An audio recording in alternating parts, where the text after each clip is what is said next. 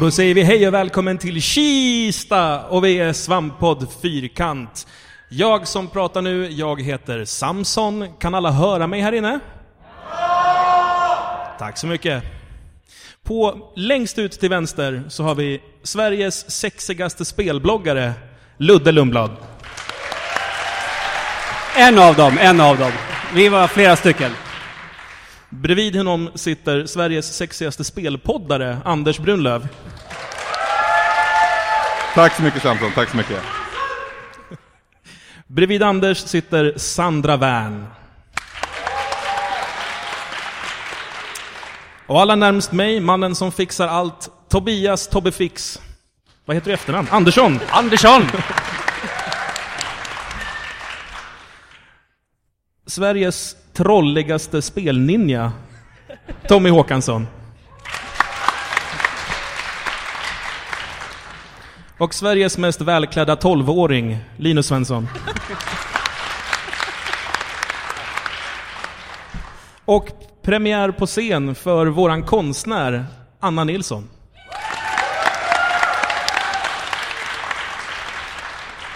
Det är vad vi heter. Vad heter du?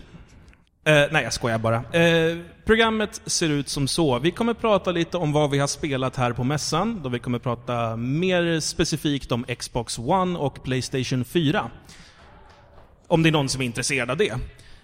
Eh, sen kommer vi prata lite om det här med att ha en spelblogg och en spelpodcast. Eh, hur gör man det på ett bra sätt och på ett schysst sätt? Och vet vi det? Ja, det också, och vet vi det? Det kan ju vara en bra fråga. Men eh, vi börjar väl med att kolla, helt enkelt. Eh, vad har vi spelat? Eh, då vänder jag mig först och främst till... Vem är det jag ska vända mig till? Proffsigt, så det bara förslår. Tommy Håkansson. Du har inte spelat någon av de nya konsolerna på GameX. Hur tänkte du där? Det har jag visst det. Har du? Eh, Xbox One. Xbox One? Lite grann. Vad kände du om Xbox One? Eh, det fanns ju inte jätteintressanta spel här måste jag säga. Inte? Nej. Eh, det som var mest intressant var väl Rise. Son of Rome. Och det är det här eh, slagsmålsgladiator. Eh, lite förvånad över att de inte pushade PS4 och Xbox One lite mer än vad jag trodde de skulle göra. Mhm. Jag gick runt ett varv på mässgolvet innan, alltså det var ingenting som stod direkt när man kom in som fångade blicken. Utan man fick leta upp vart det stod Sony och vart det stod Microsoft, och sen fick man gå dit. Men, Det var ganska långt inpulat, mitt i smeten. men vad tyckte du då om Rise till exempel? Ehm, Rise var väl det som kändes mest next gen. Mhm. Rise var det enda som, som, där man kunde se saker som, jag vet inte om det är någonting som bara kan göra på Xbox One och PS4. Men jag har aldrig sett det gjort på Xbox 30, 360 och PS3 i alla fall. Okej. Och det är så här partikeleffekter och när eldkloten slog ner och sådär. Ehm, annars tycker jag det var ett ganska tråkigt spel. Ju men- jättepositivt. Snyggt men tråkigt. Snyggt men Eh, tråkigt. Vilket Ludde säger beskriver mig ganska bra. Att du är snygg och tråkig? ja. Ludde, du har ju också spelat Rise. Ja, Vad tyckte du då? jag tyckte det var en eh, fantastisk, eh, vad ska jag säga, eh, tribut till Brad Pitt. Lite som jag. Ja. Tribut Fick- till Brad Pitt. Ja, eh, för när Sandra spelade så gjorde hon en sån här typisk Brad Pitt-move i Troja. Hoppa med svärdet. Ja. Och det var kul. Inget blod dock. Inget blod, det tänkte jag också Nej. på. Ska vi förklara varför det inte är något blod i... Om, om någon spelade Rise, är det någon som spelar Rise ute på golvet? Ja, några händer går det upp i alla Var det fall. några som reagerade på att det inte skvätte väldigt mycket blod när man högg med svärden? Förklarade de i båset bristen på blod? Ja, och det, det beror då på att det här är en... eh, Var det en ganska tidig beta eller var det alfa? Beta måste det ha varit. Tidig kod, räcker Tidig inte det? kod rent ja. generellt. Ja. så blodet kommer senare. Ingen fara.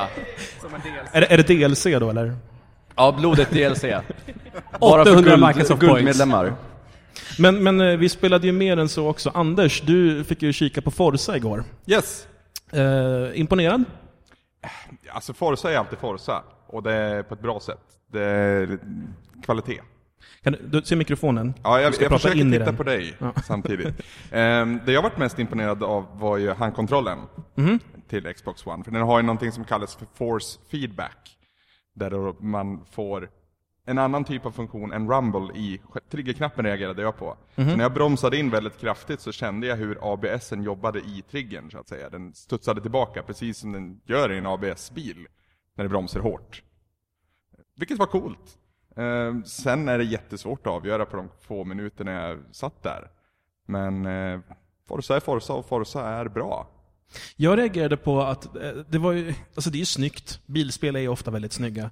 Men det var inte så här: oj shit, nu vill jag gå och spendera 5000 spänn på en ny konsol för det här är så mycket snyggare. Nej. Men det är ju det, alltså förra generationen, nuvarande generationen, har ju gått så länge så att vi har verkligen, eller vi, men spelutvecklare har verkligen tweakat det sista, sista, sista ur de maskinerna. Och nu börjar det en ny generation och man är inte ens i närheten av utforskat vad de kan göra än. Så att det är en mindre hopp nu än vad det någonsin har varit skulle jag tro.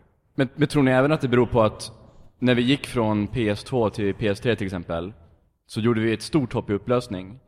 Nu är det ju fortfarande många spel, som till exempel Call of Duty Ghosts, som till till exempel Xbox One kommer köras i 720. Vilket är samma som, ja, det är egentligen lite högre än vad Call of Duty körs på 360 idag. Men just det att upplösningen inte kommer hoppa upp, jag tror det är det som gör så att man inte känner samma som man kände 2005. Men alltså det är de här små effekterna som är skillnaden, tänkte jag på just i, i eh, Forza. Att typ, när du hade cockpit view, så ser man så här reflektioner på insidan av glasrutan. Man ser också backspegeln. Ja, backspegeln hade ju typ varit 12 frames i sekunden och pop-up-grafik. Det kändes som att spela så här arkadspel 92 Ja, på en för gammal PC. på för gammal PC. Eh, Vi spelade ju också Dead Rising 3.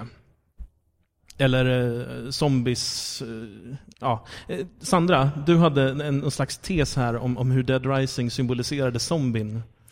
Ja, alltså det jag tänkte på det är ju det att du har, det är ju masslakt det går Oh ja. ut på. Och jag är ju inte alls imponerad av Dead Rising rent generellt och trean ännu mindre. Eh, redan på E3-trailern så tyckte jag att det såg ut som skit, faktiskt. Eh, men jag tycker liksom att det känns som att hela den här zombie-genren börjar bli mer och mer uttjatad och det känns som att det här är liksom piken av det uttjatade. ja men här har du liksom, du, du har hela genren symboliserat i ett enda spel och nu bara skär vi huvudet av allting. Jag, jag, jag har en liten fråga innan vi går vidare. Uh, Dead Rising 3, eh, det spelade du alltså? Jag spelade det. Fanns det blod? Det fanns jättemycket. Hur mycket blod som helst. Bra. Senare kod. Och, och det som kommer sälja Dead Rising 3, det är ju det att till skillnad från andra zombiespel, då är det ju vanliga bänkar som man har kunnat haft ihjäl zombies med. Men i Dead Rising 3 så är det ju fancy benches. Ja, just det. Ja, och det, det är nytt då för, för nya generationen, att det är finare bänkar nu. Det är, alltså, det är bättre grafik nu, så att då blir de per automatik finare än vad det var förr då. Fick jag förklarat för mig. Det är ju, ja. det är ju cloud, eh, cloud computing som gör det. ja, precis. Så nu kan man ju spara den fina bänken i molnet. Exakt. Ja. Eh, Ja. Det jag tänkte på, det, det, det är ju mer zombies än vad det någonsin har varit i bild samtidigt. Jag såg en, alltså, något som såg ut som ett publikhav i princip av zombies. Eh, och de, eh, de som var allra, allra närmast mig, alltså de typ tio som var i en cirkel runt om mig, de försökte ha ihjäl mig. Men strax bortom dem, så visst de rörde sig, men det var mer som en animerad kuliss än faktiskt zombies. Det var som att de inte hade någon AI förrän jag kom tillräckligt nära. Alltså du vet med agro-bubblan. Liksom, bubblan. så fort de kom innanför den, då visste de att det fanns något där som var värt att ha. Men sist jag kollade på en zombiefilm så är ju grejen att typ den som är 10 km bort i det här långa ledet, den är minst lika intresserad av att komma fram som den som är närmst mig. Så det var ju ganska overkligt också. Ett sjukt overkligt Ja. spel. Den, den viktigaste frågan jag känner är ju, är det fortfarande tidsgräns på allt? Det har ju varit det som förstört de andra spelen. Det var inte det i det här demot, men det säger inte jättemycket. Nej. Tyvärr. Maskinen som stort då? Det, det här är ju de spelen vi har hunnit spela. Vi fick inte se den. Vi fick inte se själva Xboxen. Det är konstigt. De, de lovade att det var riktiga Xboxar och inte datorer som skötte det. Mm. Men om de kan lova det, varför kan de inte visa maskinen? Sony visade. Sony gör det. Jag vill göra en opinionsundersökning. Eh, hur många här inne planerar att köpa en Xbox One när den kommer ut? Kan ni inte skrika istället så att vi får lite... Hur många här inne planerar att köpa en PS4 när den kommer ut? alltid när jag gör så här så är det PS4 så. Hur, Förra många- hur så många här äger ett Wii U? Ja. Förra gången vi gjorde det i Gävle så frågade vi PS4 först. Och det var massa jubel. Sen frågade vi Xbox One, då blev det faktiskt burop till och med. Så det är väldigt intressant hur det alltid är samma var man än är och vad man än frågar. Hur många den, har en den där Super anekdoten Nintendo? hade som huvudsyfte Den där anekdoten hade som huvudsyfte att visa att Tommy ofta sitter framför publik. Handkontrollen pratade vi lite om. Mm. Sandra, du, hade, du var mindre nöjd med den. Ja, jag är jättebesviken. På Xbox One-handkontrollen. Ja, det är jag. Vad är det för fel på den?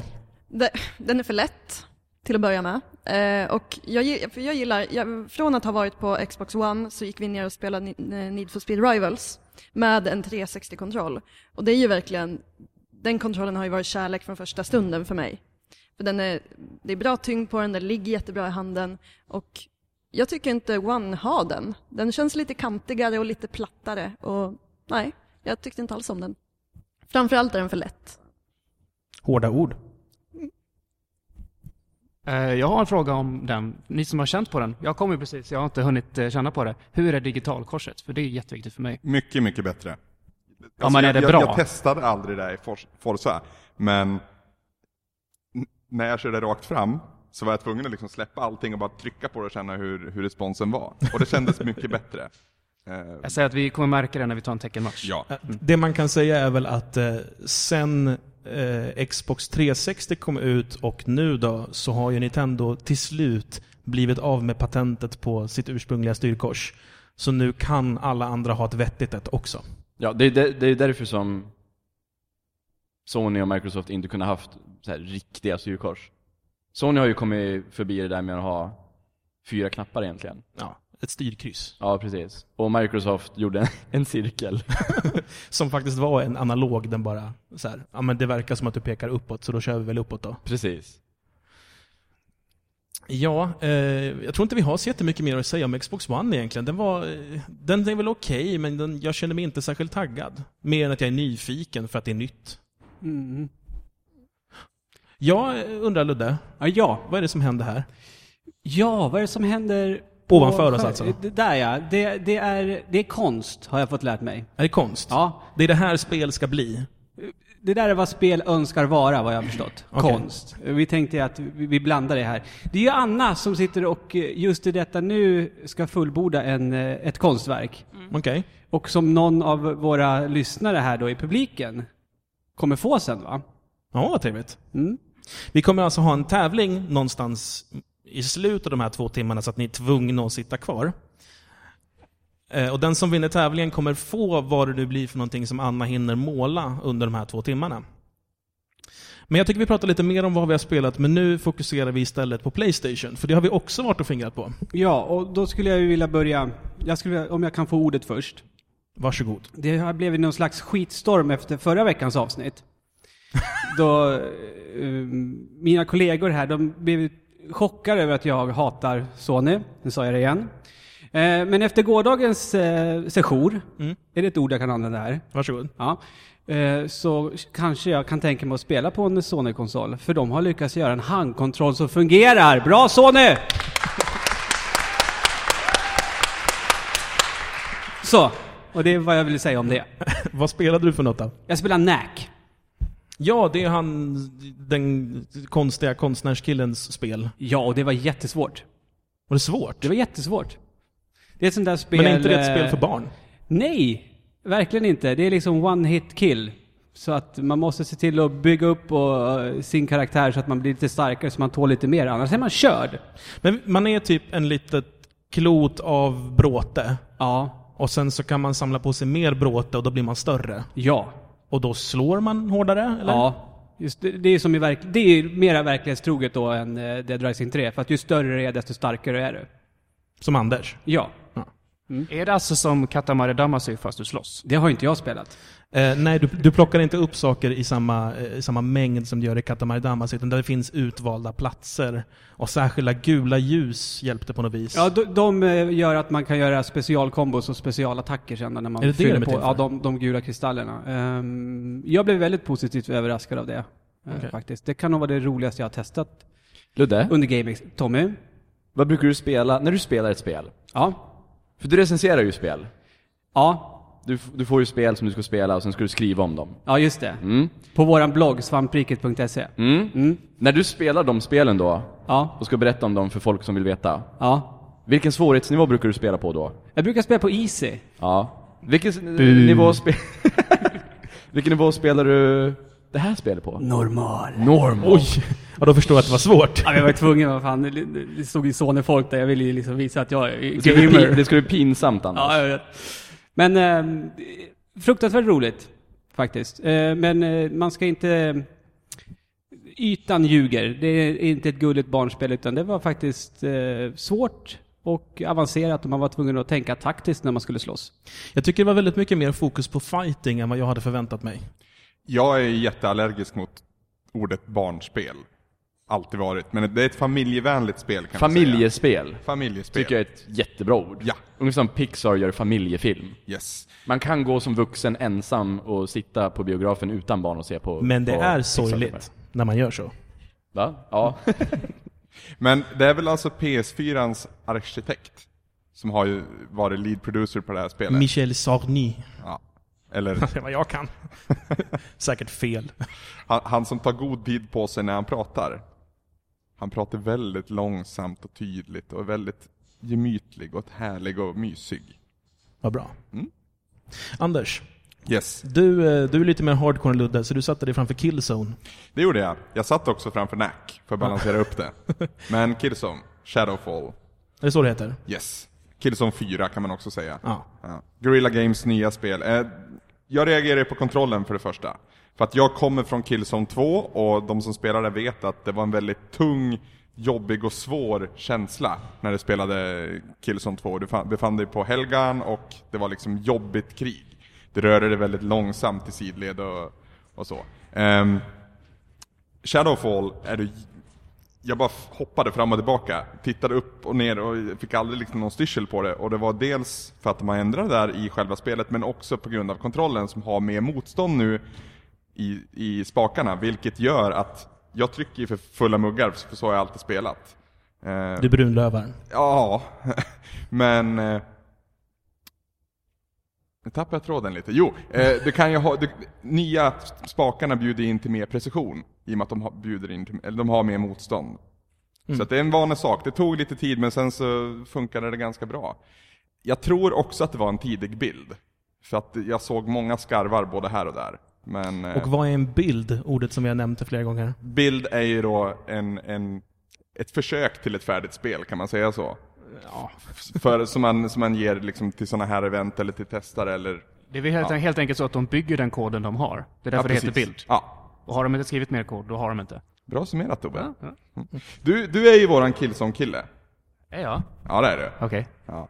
För det är två som spelar Killzone och det är jag och du, Ja. och jag känner att du är med Killzone. Ja. Hur taggad är du på Shadowfall? Jag blev helt plötsligt mindre taggad för jag älskade den tunga grejen som fanns i tvåan.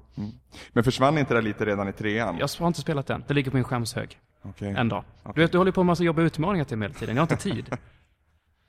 Ja, just det. ja, men det, det kommer. Jag, är- jag är taggad. Jag kommer att spela det. Garanterat. Jag spelade ett jättemärkligt spel som heter Contrast. Har ni någon koll på det överhuvudtaget? Det verkar som att ingen har det. Jag hade inte. Jag spelade också. Du spelar också Contrast?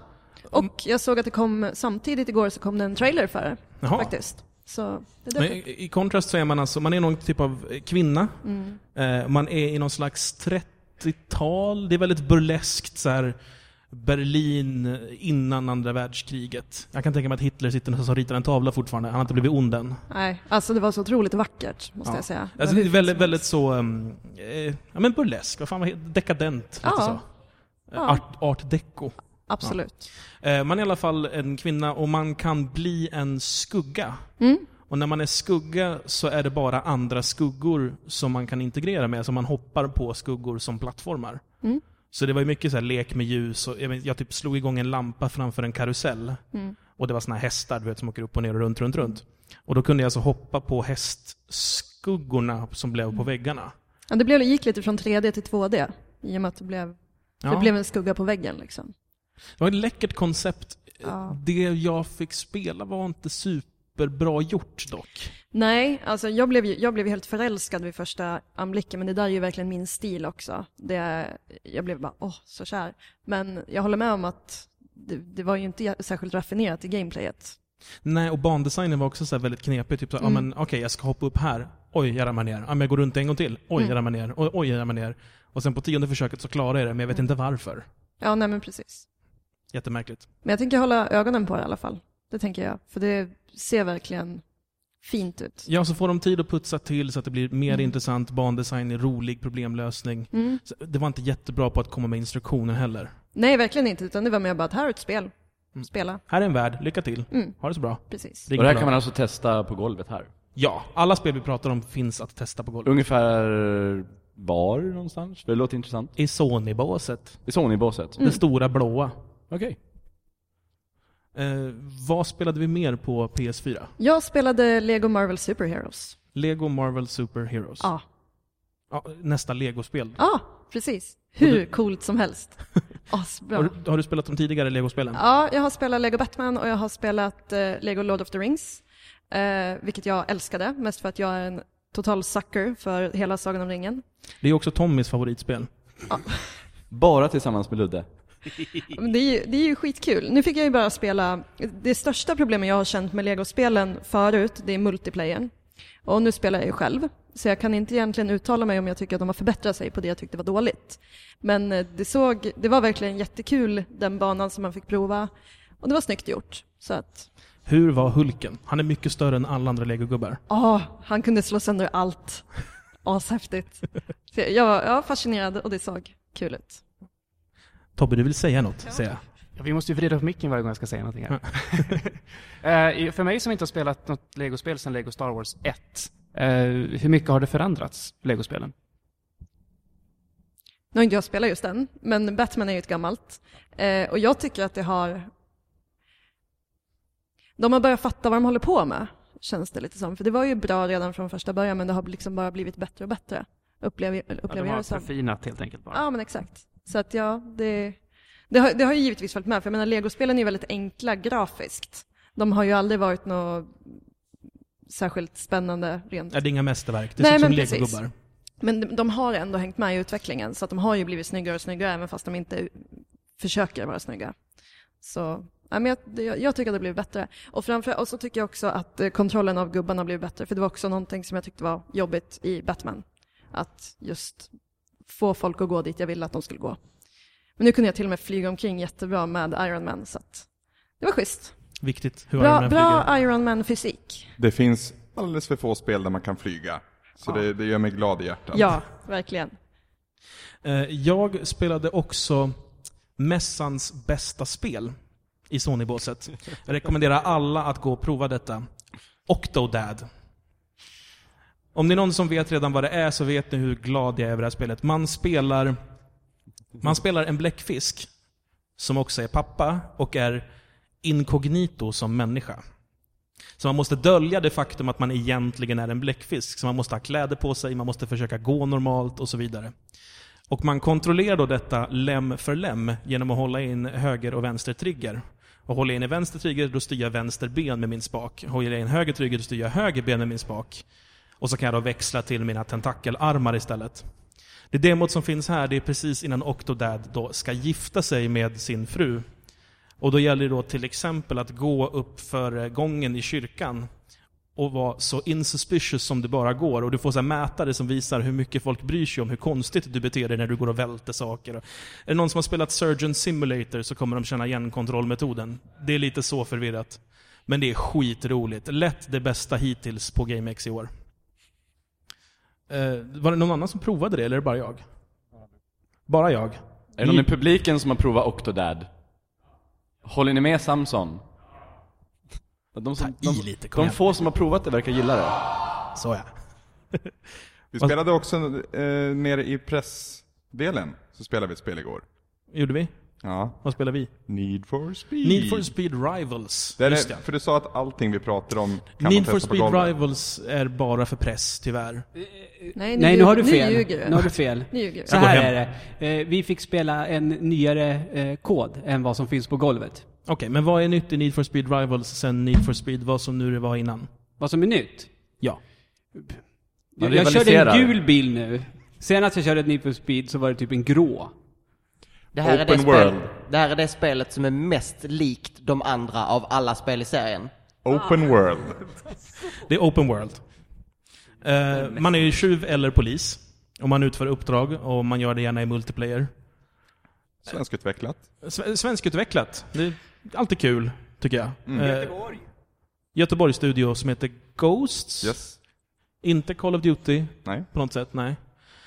Vad, alltså, jag var inte superimpad överhuvudtaget. Man åkte bil, man hade lite fällor att lägga ut. Ja, du, du körde som polis då antar jag? Ja, jag körde som polis. Ja. För det är, ja, precis- som du sa, du väljer antingen tjuv eller polis. Det gamla hot pursuit-läget. Mm. Ehm, det håller än, men jag tycker att det blir lite tradigt efter ett tag. Men jag tyckte känslan i själva körningen var perfekt, arkadig. Ehm, Men om det ska vara så arkadigt, varför kan inte power-upsen man får vara lite roligare? Alltså, man får typ så här, du kan lägga ut en spikmatta, eller så kan du få eh, så här, shockwave hette det, någonting jag får på min eh, framgaffel, heter det så? Mm, Det ja, fast jag tror inte den heter Shockwave. Shockwave sköt ut från sidan, så hade du en bil jämt upp med dig. Ja men Så shock ram. knuffade du undan den. Jaha, just det. Ja. Hur som helst, det var inte superavancerat. När det ändå är så overkligt i övrigt, varför inte in med lite gröna skal och Våldsamt. banan och... Det är klart. Men eh, jag hade väldigt kul när vi satt här och spelade. Vi spelade ju, var det fem stycken? Fyra stycken? Fem? Sex. Sex. Ja just det, sex stycken var vi. Mm. Ehm, Vi sen- försökte tre mot tre, men vi hittade aldrig varandra. Nej, Nej. För storstad. precis. Helt plötsligt körde man förbi någon bara så, ja, jo, ja, nej. Ludde! eh, Nej. Mm, precis. Alltså det är det jag tycker ändå är en ganska kul idé från första början. För när jag såg den här eh, trailern, jag tror det var E3 presenterades först. Ja, tror jag. Ja, när jag såg den så tänkte jag att det kan bli ett bra koncept. Det här med att man kan tagga in på andras spel. Eh, och det var ju kul att sitta och köra i samma värld, men det blev ju precis som du säger att man bara kör förbi varandra och det blev inte så mycket av det. Eh, och sen, jag menar, jag, jag kom ju mycket mer i kontakt med alltså AI än vad jag gjorde med er Ja. som spel och då var vi ändå sex pers. Så att, jag vet inte, det kunde ha blivit bättre än vad jag tror att det kommer bli.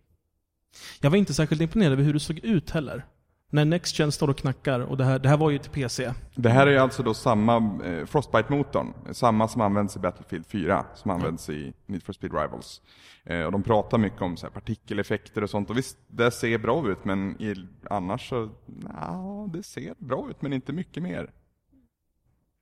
Men Vi glömde prata lite om Playstation 4-handkontrollen. Mm. Som jag är, jag är lite kär i den tror jag. Jag att, också. Som Ludde sa så är den ju bättre än innan. Ja, nu känns det ju som en handkontroll.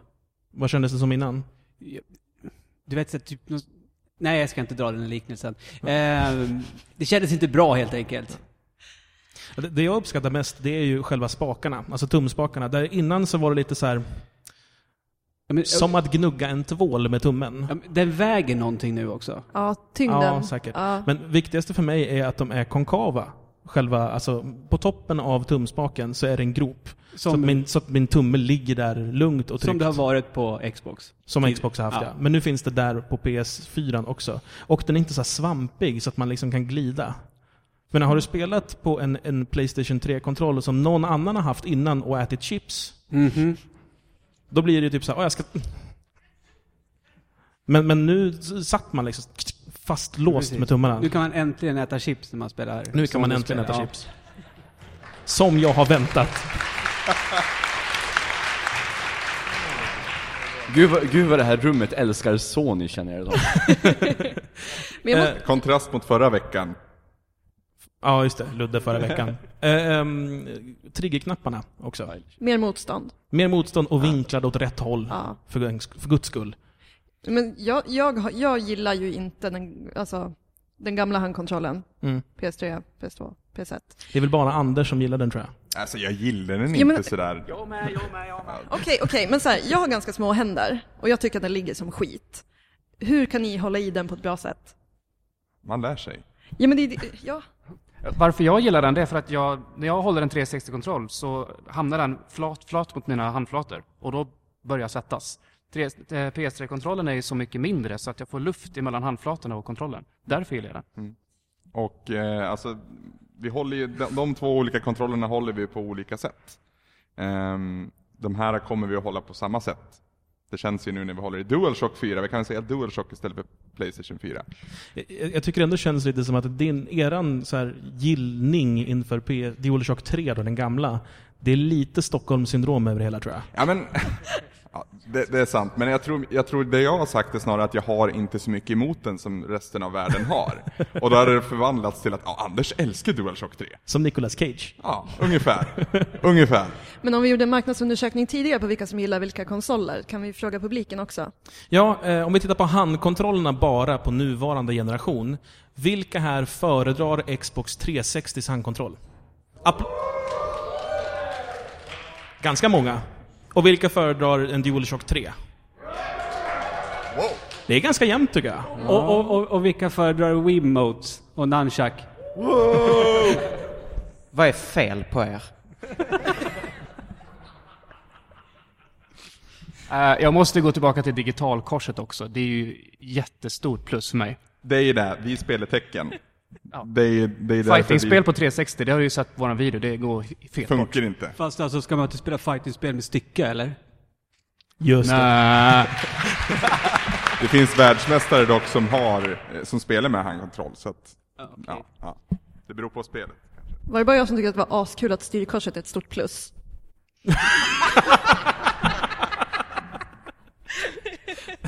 Jag Linus tyckte det var så kul. En sista sak om handkontrollen med DualShock 4. Jag gillade materialet som man liksom höll i. Inte, inte där dina tummar utan där alla andra fingrar är. Mm. För du, du kan omöjligt tappa den. Det kändes som första gången man fick sätta sig på en mountainbike. När det var ja. så här greppkänsligt. Man bara wow! Hoppas att, inte de här, att det blir det här gummigruset som det blev av det här materialet till slut. Ja. Man får ju köpa så här hockeytejp. Exakt. En annan snabb fråga, det är ju en touch. Touchplattan. Ja, var det någon av er som fick använda den? Ja. Anders lite. Ja, hur funkar det? Eh, I Killzone så har du ett, ehm, en, en- sidekick du kan kasta ut, eller ett typ av robotfågel säger vi. Ehm, Som är Transformers. Ungefär. Eh, och då, då har den olika abilities. Eh, och det, de, den abilityn valde du genom att ett kugghjul som du touchade fram så att säga. Det var inte så jättemärkvärdigt men det var ganska enkelt att göra det. Och oftast sådana där grejer brukar det oftast bara vara besvärligt. Alla som har spelat Uncharted 1 vet hur enkelt det var att balansera på stockarna till exempel. Ja. Använder man eh, den här pekskärmen när man ska navigera menyer? Eh, jag navigerade aldrig den här menyn så jag vet inte. Det känns väl lite dumt att försöka få in så här muskänsla när man ändå har, så att man kan bara bläddra mellan saker. Mm. Tror jag. Eh, Men den är ju samma material i princip som det är på en iPhone. Det är ju multitouch och det är kapacitanstouch och så vidare. Klickbar. Och den är klickbar ja. Den är som en sån här musplatta på en Macbook. På tal om menyer, Mm. så fular jag lite grann. Du fular lite. Ja, lite. För jag gick ut i menyn. I vilket spel då? Eller på vilken konsol? Alltså på PS4. Så du har sett dashboarden på PS4? Ja.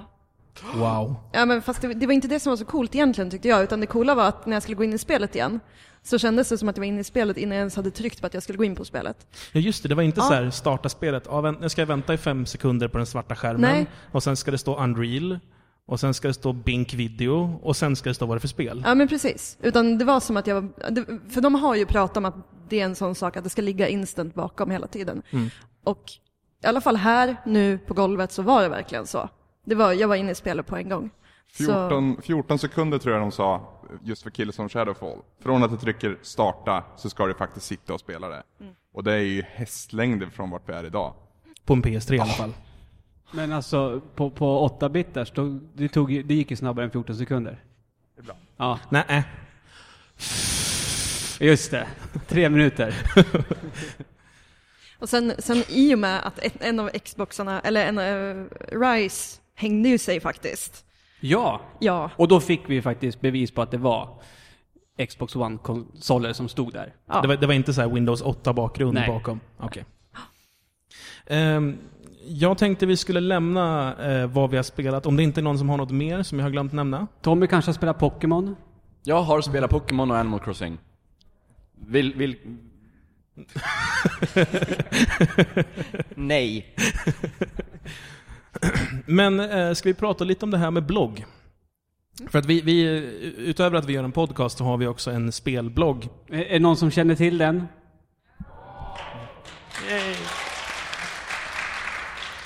Va, vad får det vara? Vi var ju faktiskt Sveriges bästa för några år sedan. Ja. Bra marknadsföring. Bra marknadsföring. Men jag tänkte vi skulle prata lite om det här med att driva en blogg. Eh, och framförallt, hur gör man en blogg som man kan vara stolt över? Kanske en liten knepig och konstig fråga. Men det är ju lätt att göra en blogg. Vem som helst kan registrera en och bara sätta igång och börja skriva om spel. Men hur gör man en blogg som man liksom inte skäms för att visa upp? Egentligen. Och hur kan man känna att så här, det här har jag gjort och det här är bra? Ja, man kan ju lägga ut bilder på sig själv naken. Det är en bra taktik.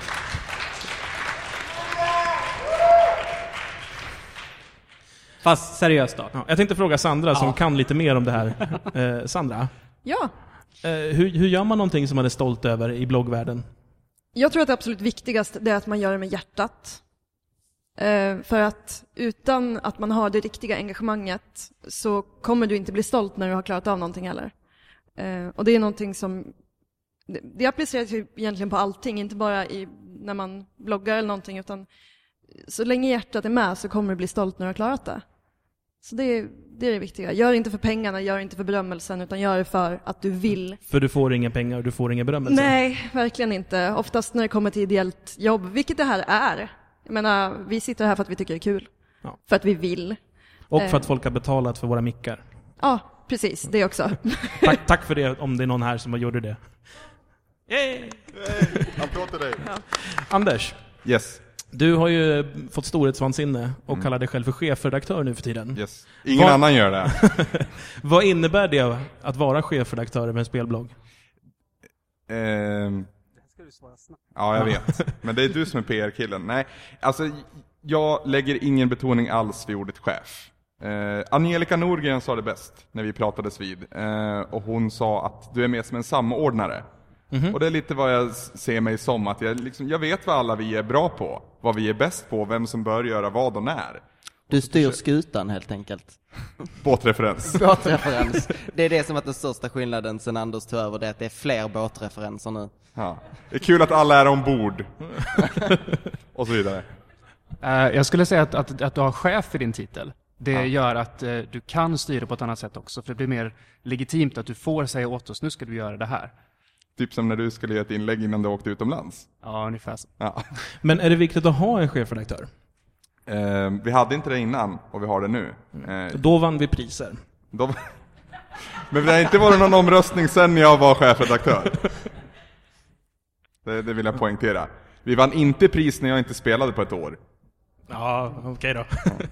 Ehm, jag tycker att det är viktigt att ha en chefredaktör. Eh, sen kanske man inte måste ha en som har titeln, men någon som är samordnare, någon som ser till så att saker kommer ut med jämnt mellanrum, ser till så att det är variation på det, ser till så att det är kvalitet på det. Så någon har ansvaret, man har bestämt, här, den här personen har ansvaret så det inte faller mellan stolarna. En ansvarig utgivare i mångt och mycket. Så är det någon som tycker att fan vad det där var dumt skrivet av Ludde, eller dumt sagt av Ludde, så ta det med mig först. För Ludde vet inte bättre. Ska ni stämma någon så stäm Anders. Jag kan ta det. Jag Eh, tänkte också fråga, alltså, när det kommer rent praktiskt till att driva en spelblogg, eh, hur viktigt är det att man är, liksom är konsekvent med saker? Eh, vad, vad är viktigt? Alltså, för det finns många bloggar och det är lätt att göra en blogg. Hur ska man synas i allt myller? Konsekvent är ju en typ av trygghet för läsaren, eller för besökaren. Alltså vi vet att på onsdagar så kommer Heavy Rain, av, fast nu kommer inte den med så det var ett dumt exempel. Men det kommer någonting från Ludde och Tommy oftast. Ja. Ehm, varannan fredag kommer Powerplay. Nej. Jag försökte i alla fall. Ehm, men samtidigt så blir det ju ganska lätt stiltje om, om det liksom bara är samma saker. Så det är en kombination av liksom stadiga inlägg och aktuella, nya, färska saker. Mm. Variation. Hur, sen, vi, vi har ju inget forum överhuvudtaget hos oss, utan vi har ett kommentarsfält. Eh, men hur ska man jobba för att få lite liv i kommentarsfältet och liksom se till att det finns folk som kommer tillbaka, inte bara för att läsa det vi har skrivit, utan också för att följa diskussionen? Det, det vet jag. Eh, man börjar lägga grunden med att driva en podd som heter Retroresan i tre år.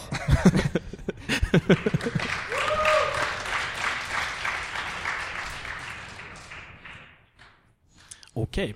Nej men på riktigt Anders, vad, vad gör man? Det är inte lätt.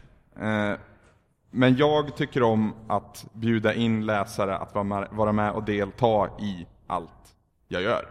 Eh, Powerplay, Retresan, Skitsnack. Så vill jag ha eh, lyssnar, tittar, besökar interaktion så att säga. Att de är med och bestämmer, får med och liksom bidra ibland. Ehm, och så. Alltså en annan aspekt som jag tycker är jätteviktig, det är att man är stenhård på att modda sina kommentarer. Så att man skapar ett tryggt område. Vi är ju kända lite som PK-bloggen eftersom ja, vi är gärna feministiska, vi är gärna antirasistiska och så vidare. Vi har någon slags statement där att vi jobbar lite åt det hållet när vi tycker att det passar. Och då gäller det att akta sig för Aftonbladet-trollen som gärna kommer och tycker att Jimmy Åkesson är bäst i världen. Så, alltså att, jo, att aktivt jobba med att titta på att så här, det där är inte okej, det där är inte okej. Ja, Alltså inte censurera, men kanske förklara att så här, det här är inte rätt forum att sitta och göra sånt där på. Och det, jag- det jag tycker vi har väldigt, vi har väldigt bra och förspänt just nu och jag vet inte om det är bara våran förtjänst eller om det faktiskt är så att vi har haft tur. Men våra besökare är bäst, för de städar upp efter sig själv. Kommer det in ett pucko så är det oftast någon annan, inte vi, som behöver säga till det där puckot och puckot försvinner. Ursäkta puckot om du sitter där ute någonstans, men jag tror inte det. Eh, sen, eh, jag var inne på lite det här med PK, och det är ju en del av någonting som vi kallar för värdegrund. Då tänkte jag återigen Sandra, du som har eh, erfarenhet av just jobba med värdegrund. Vad är en värdegrund och varför ska man ha en? Det är bra att du ställer enkla frågor. Varsågod. Nej men en värdegrund är ju någonting som vi alla känner att vi kan stå bakom. Och att vi lägger... Att vi tillsammans lägger en ribba som vi kan stå för. Vi, vi- vi, bestämmer hur, hur högt taket ska vara och hur låga trösklar det ska vara. Och där innanför så ligger värdegrunden. Så ser jag på det. Och vad kan en värdegrund innehålla då? I Just spelbloggsammanhang tänker jag då. Ja, Tommy, du hade lite åsikter som inte var de självklara om, om att man inte är rasist och man inte är eh, manschauvinist. Vad var det du tänkte på då? Vad sa du? Du hade lite tankar kring det här med värdegrund som Ja. inte hade att göra med feminism. Jaha. Minns du det? Ja. Alltså jag tänker, om, om vi ska prata värdegrund inom kontexten att starta en spelblogg. Ja, precis. Så om man, om, man, om man planerar att starta en spelblogg eller bara en spelsajt som skriver om och recenserar spel så kanske man tror att det är väldigt svårt att få recensionsexemplar av utgivare här i Sverige. Och det kan jag ju säga att det är inte speciellt svårt. Eh, när jag och Ludde startade Svamprike för tre år sedan var det va? Ja. Nej, mer. Fyra. Ja, något sånt där. Eller? Då ringde Ludde mig och sa att han skulle kontakta utgivare och fråga dem om, om vi kunde få recensionsexemplar. Och det jag svarade till honom var ungefär Du kan roa dig med det, lycka till. Och tänkte att det måste man ju ha Man måste ju vara game reactor för om man ska få recensionsexemplar tänkte jag. Eh, så är inte fallet. Det räcker med att man har ett par hundra läsare i veckan så är det liksom värt att få ut sitt spel till din sajt eller blogg. Men när man väl har börjat fått recensionsexemplar av utgivare, då kan man ju, om man är en ganska liten sajt som vi var då, och fortfarande är jämfört med de stora då, då så kan man vara väldigt rädd för att bli av med den där kontakten med utgivaren, för man kan fortfarande tro att nu har jag haft tur som har fått de här recensionsexemplaren. Eh, och om jag inte är de här utgivarna till lags så kommer de sluta skicka de här spelen till mig. Eh, och innan, jättelänge sedan, innan jag ens spelade för att recensera och liksom starta svampriket så skrev jag för, började jag skriva för en väldigt liten sajt som hette Retry, som jag tror ingen här har hört talas om. Ehm, då skulle jag recensera ett spel och vi har ju diskuterat lite grann om jag ska säga vilket spel det är. Gör det. Ska jag göra det? Ja. Ska vi outa det? Vill ni veta det? Då kommer de ju veta vilken utgivare det är också. Det är väl bara jättebra. Ja. Eh, Grand Theft Auto Chinatown Wars till DS. Som sålde bra, men jag tror inte många spelar ändå på något konstigt sätt. Eh, jag skulle recensera ett GTA till DS helt enkelt. Ehm, och efter några dagar så hade jag spelat det och la upp recensionen på Retry och gav spelet 8 av 10. Och de som följer recensioner och kollar Metacritic och sådär vet ju kanske att medel ligger ju inte direkt på 5. Medel ligger ju på 7.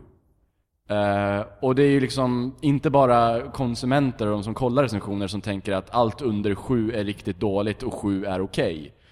Utan det är ju även utgivare då, då, de som har hand om Rockstars spel här i Sverige. Det är ju inte Rockstar själva, utan vad, vad är det, ska vi säga vad de heter? Det De- behöver vi kanske inte De, göra. de har bytt sen dess i alla fall. Ja, precis. De har bytt sen dess, så vi ska inte... Ehm, då kontaktade de oss och eh, sa Men hörni, killar. Nu ger vi ju er recensionsex här. Och så kommer ni här och ger vårat spel bara 8 av 10 i betyg. Vet inte ni att det här spelet ligger på 92 i snitt på Metacritic? Uh, nu tar vi och gör så här. Vi skickar två spel till till er och ni tar och uh, nästa vecka lägger upp en ny recension av det här spelet. Och så tar vi och fixar det här. Uh, vi sa inte nej till att få de här två spelen, utan vi sa visst, vi skicka på. Eh, vi tackar inte nej till gratisspel. Ehm, nästa vecka så la vi upp en ny recension av GTA Chinatown Wars till Nintendo DS och gav det än en gång 8 av 10. Då kanske man skulle kunna tro att då kommer de utgivarna bli sura på oss, de kommer sluta ge oss spel, men så är, var ju liksom inte fallet. Utan de gav upp där och då och vi hade liksom inga problem med dem. Vi fortsatte få spel av dem. Så om det är någon som vill starta en blogg och om det är någon utgivare som börjar köra mer och ni tänker att ni är för små för att stå upp. Så det, det, de kommer inte sluta ge er spel. Och nu när man är i en situation där man faktiskt har en viss läsarbas så tänk, tänker man nästan att Fan, det vore bra om, om det kom fram att det är någon utgivare som slutar ge oss spel. För då skulle vi ha en skitbra krönika att skriva om det. Så man, man hoppas nästan på att någon utgivare skulle börja krångla med oss. Fast vi Nå- sätter nå- ju nå- inte nå- betyg. Nej. Gärna någon av de utgivarna som inte gör så himla bra spel ändå. Nej, och vi, vi, vi sätter ju inte betyg nu, utan det gör vi ju inte förrän i slutet av månaden. Ludde, Samson? det är mest du som har kontakt med själva utgivarna. Just det. Eh, hur gör man för att ta kontakt med dem då, om man vill starta en ny blogg? Eh, vara helt ärlig. Och säga att vi skulle jättegärna vilja spela det här spelet och skriva om det på våran blogg. Men hur hittar man dem då? Det finns här sociala medier som heter Twitter, bland annat. Ja. Lurka där. Det finns alltid folk som verkar få spel. Då kan man mejla dem och fråga, hur gick det där till? Det var så jag gjorde. och nu är det de som lurkar och mejlar till mig, hur gick det där till? Så får jag berätta vidare vilka personer de ska kontakta. Ludde at svampriket.se Ludde Svampriket har en eh, spelblogg och tänker så här, jag skulle vilja fråga efter lite recensionsex för att skriva om på min sajt, eller min blogg. Så ludde att svampriket.se så kan jag visa er i rätt direction på engelska. Och man ska inte göra som det här gänget danska bloggare som kontaktade utgivare och sa Hej, jag heter Thomas Madsen och jag skriver för Svampriket. Kan jag få lite recensionsexemplar? Nej, det är fel att göra det. Att utge sig för att skriva för en sajt som man inte skriver, för det hände oss. Utgivaren fick ett mejl från utgivaren. Stämmer det här? Då var det en person som påstod att han skrev för svampriket.se och ville ha Metrolast Ja, Metro Last Light vill han Ja, ha. som har varit ute i typ två månader då Var, också. var, det inte Jättekonstigt. det, var det inte det spelet som gavs... Nej, det var inte det spelet som gavs ut gratis om man gillade deras Facebook-sida. Nej, nej. Nej, det var det första Metro. Det var det första, för det hade varit jättekonstigt om man hade gjort det då. Nej men var ärlig och var rak på sak. Och- och Tommy har ju fått det att låta lite för enkelt för att det är, alla utgivare är inte lika givmilda. Vissa har ju en viss standard att de skickar ju bara ut recensionsex om man har si och så många läsare som man kan redovisa att så här många besökare har vi. Nintendos, Nintendos bergsala, Ja. som inte är här på GameX nu. Visst är det synd? Bu. Är det någon som saknar Nintendo? Ja, de, de är ju ganska strikta med vilka de skickar spel till. Ja, Eh, Så de fick vi smörja ganska länge. just det. Men nu är de uppsmörjda. Bra smörj, Ludde. Bra. Eh, det kostar ju kanske lite pengar att ha en blogg till slut. Ja, det borde göra det. Ja, vi har ju haft jävla flyt med det. Eh, Så vi behöver faktiskt inte betala. Men om man skulle behöva dra in pengar på sin blogg Mm. för att betala till exempel för en webbadress eller serverplats. Eller mikrofoner till en podcast. Eh, Men hur, eh, hur kan man gå tillväga för att försöka dra in lite pengar på sin blogg? Ja, det Jag håller tänk- ju vi på att fundera på nu. Ja, jag, jag, är det någon som har några bra tips? vi vill jobba med det här på heltid. jag tänkte jag skulle fråga Sandra som faktiskt jobbar med liknande frågor. Mm. Hur Precis. ska man gå tillväga? Om man, om man, har, man har etablerat att man har en spelblogg, man Mm. får spel från utgivare att recensera, men det börjar bli dyrt det här. Mm. Vad gör man då? Till att börja med så tycker jag att man ska inte vara rädd för att prata med sina läsare. Om Mhm. man har möjlighet att backa upp det man ber om. Som till exempel mickar till en podcast. Till exempel starta en Kickstarter och säga hej, tycker ni om oss? Ge Mm. oss pengar. Precis. Eh, sen så finns det ju faktiskt möjligheter att till exempel om man är ett gäng och tycker att det är jättekul att hålla på så kan man starta föreningar och ha kring sin sida. Och då finns det möjlighet att söka bidrag och få hjälp den vägen. Hur startar man en förening? Vart går man? Du går ingenstans. Nej, okej. Nej, vi kan starta en förening nu om du vill. Kör. Ja, fast vi kan säga att vi har startat en förening. Vad snabb jag är. Ja, så nu är vi Okej. klar. Nej, men alltså man kan starta en förening och det är superenkelt. Eh, De allra flesta kommuner har stöd för föreningar. Så här, någonting som man skulle vara intresserad av så kan man alltid höra av sig till sin hemkommun. Eh, Och tro mig, det här är av egen erfarenhet. Det finns jättemycket pengar som bara ligger och skräpar i olika eh, såna här stipendiefonder och eh, kommuner har föreningsbidrag och allt möjligt. Det finns verkligen hur mycket pengar som helst. Så bara man vill och bara man är intresserad så går det. Så det är väl nästan det som är mitt bästa tips, att fundera på det här med att, med att ha en förening. Ett annat tips, eller egentligen ett, mer ett negativt tips. Eh, när ni börjar få 100-200 läsare i veckan så kommer ni börja få mail från danska kasinosajter Gud vad vi hackar på Danmark idag. som jättegärna vill att ni publicerar en artikel där det bara råkar stå och förresten du kan spela Casino live på nätet här. Tacka nej till allt sånt. Det är inte värt de 500 spännen man får och eran, ert rykte som spelsajt kommer gå i botten när man ser att ni har sponsrade inlägg. Så var rädd. Så fort det kommer ett mail som säger hej vi vill göra reklam hos er, syna vad det är för företag som vill göra reklam och vad de egentligen är ute efter. Annars fick jag höra att Siba var ganska bra. Siba är bra, har jag hört. det var ett aprilskämt på vår sajt för några år sedan att vi var sponsrade av Siba. Det var ganska många som trodde på det, vilket blev lite fel. Jag hade, alltså, jag hade alltså vänner som ringde mig och sa grattis! Vad kul för er! Äntligen! Och jag, men, men ta det lugnt. Det är ett skämt. Men Siba, om ni hör oss. Eh, vi vill ha pengar. Det var väl ett gäng som trodde att eh, vi hade gått ihop med Giant Bomb också va? Ja, just det. Bombriket. Eh, när det också kommer till spelbloggsklimatet, så eh, vad man har för typ av content på sin spelblogg eh, kan ju också vara ganska intressant att titta på. För att eh, vi... Vad ska man egentligen säga? Vi, vi, vi skrev först bara i början. Och det går ju ganska bra. Men internet är ju video nu för tiden. Ja, det är det. Så då behöver man ju kanske ha lite videomaterial. Ja, och bli ett sånt här eh, så kallat YouTube-fenomen. Ja. Och du som har provat det Ludde, hur gör Ja, man? jag och Tommy, vi, vi arbetar hårt eh, varje vecka för att vi vill gärna bli ett sånt här YouTube-fenomen. Som Pewdiepie eller Ja, Tapes? precis. Eh, och hur man gör? Ja. Det ska man inte fråga oss. Nej. Tydligen inte. Skicka tips till ludde.svampriket.se Jag kan ju säga lite angående det. Eh, både Xbox One och PS4 kommer ju ha så att alla ni som köper dem kommer kunna spela in när ni sitter och spelar hur mycket ni vill och slänga upp det var ni vill. Så vi får se sen. Är det några som planerar att göra det? Som planerar att ha någon kanal där ni slänger upp det?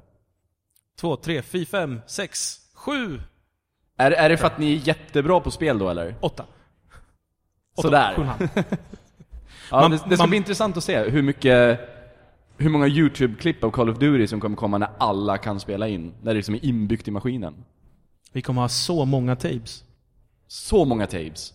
Men man kan aldrig få tillräckligt med tapes. Det? Men det, men det finns bara en Ludde och en Tommy. Gömda någonstans på internet. Ludde, Ja, Anna håller ju på och ritar. ja det gör Kan, kan inte du höra med henne hur det går? Ska jag gå bort och prata med henne? Nej, hon, hon kan prata i den micken. Anna? Hur Vad är det? går det för dig med konstverket? Ja, men det ser väl bra ut, tycker du inte det? Jo, vad, vad börjar det bli för något? Nej, men det blev väl en liten så här samlingsbild med lite olika tv-spelskaraktärer. Ja. Kommer man känna igen tv-spelskaraktärerna? Alltså om man, beror på hur kunnig man är. Ritar, du- ritar du bra idag? Jag ritar väldigt bra idag. Ja, härligt. Ja. Kommer du hinna klart i tid?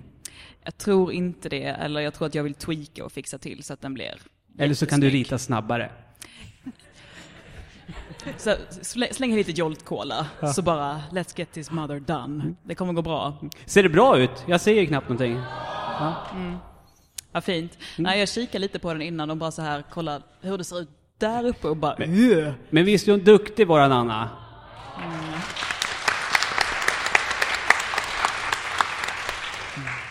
Tycker vi med. Ja, eh, en skatt så stor jag är. Och det- ja, men det är ett litet tips. Och Anna är alltså ett gammalt fan av oss. Hon har liksom tjatat sig in i svampriket. Det var Tobbe så. är min granne. Han där. Så, så flytta granne. nära Anders om ni vill börja skriva på svampriket. är det det vi säger? Jag vet inte. Eh, Jag eh, tänkte kolla om vi kanske har några frågor från publiken. Det behöver inte vara om just spelbloggar. Eh, Det kan vara allmänt frågor till svampriket. Är det någon som har någon fråga nu så att det är lönt att... Behöver inte ens handla om tv-spel faktiskt. Nej, definitivt inte. Vi är kända för att svara på alla dumma frågor som bara kommer. Hade vi någon? Där har vi en. Du, du får en mick alldeles strax, häng kvar. Ludde, ut och spring för fan. Hallå? ett tag innan. Ja, titta. Så, nu är jag på väg. Nu ska vi se. Var hade vi dig? Ja. Det är lyteskomik här också. Ja. Eh, vad heter du då? Alexander. Alexander. Och vad vill du fråga? Och så vad tycker ni just om streaming? Att man streamar spelet på en speciell sida som man visar live för andra personer? Hörde inte jag Jag hörde riktigt. väldigt dåligt här. Vi, då tar vi det igen. Då pratar vi lite närmare micken. Låtsas att det är en tjej du pussar på. Och vad tycker ni om just streaming för andra personer just live? Man streamar ett spel. Vad tycker ni om det? Jag är ett stort fan. Jag tycker jättemycket, eller du, du frågade generellt om videostreaming av spel. Ja, jag hörde rätt, okej. Jag tycker jättemycket om det.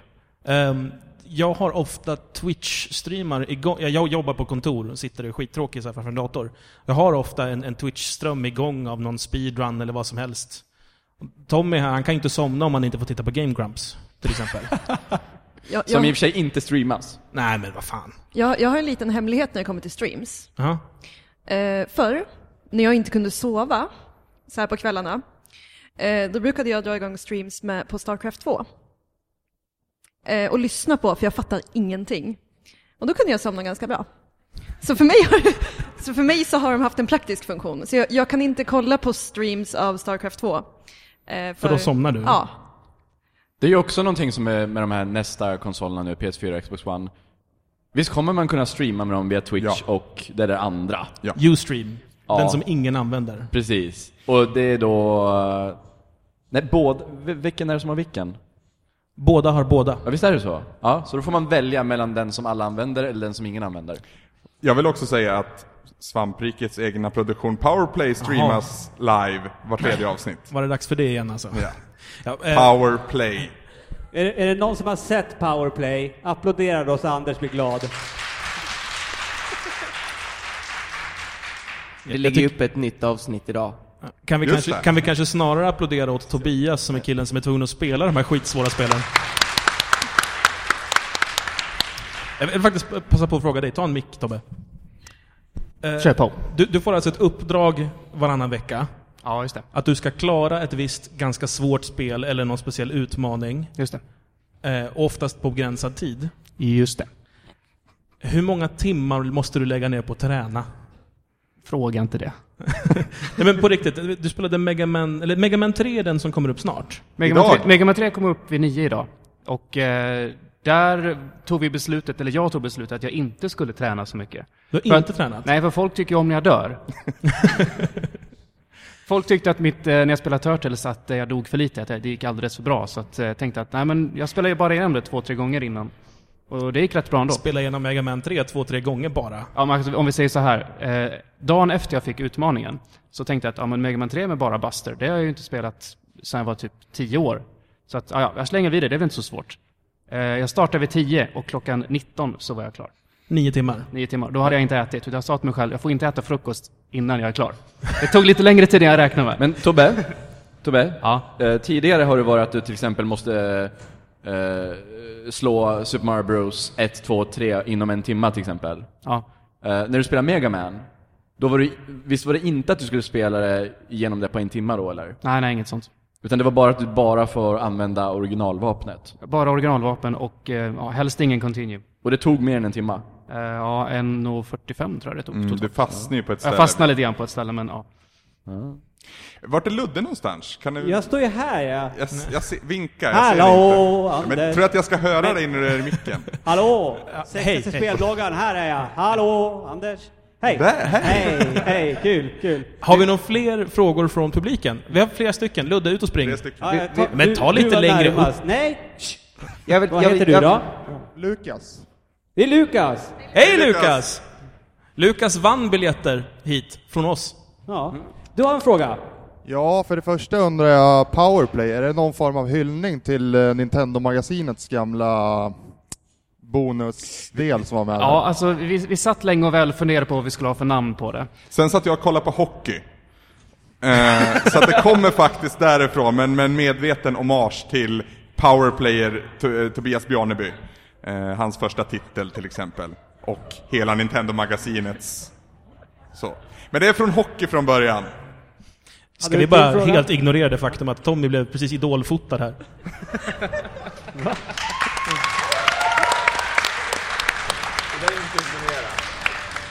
Alltså detta hände, det, nu måste jag ta en sidetrack här för detta är jättespännande.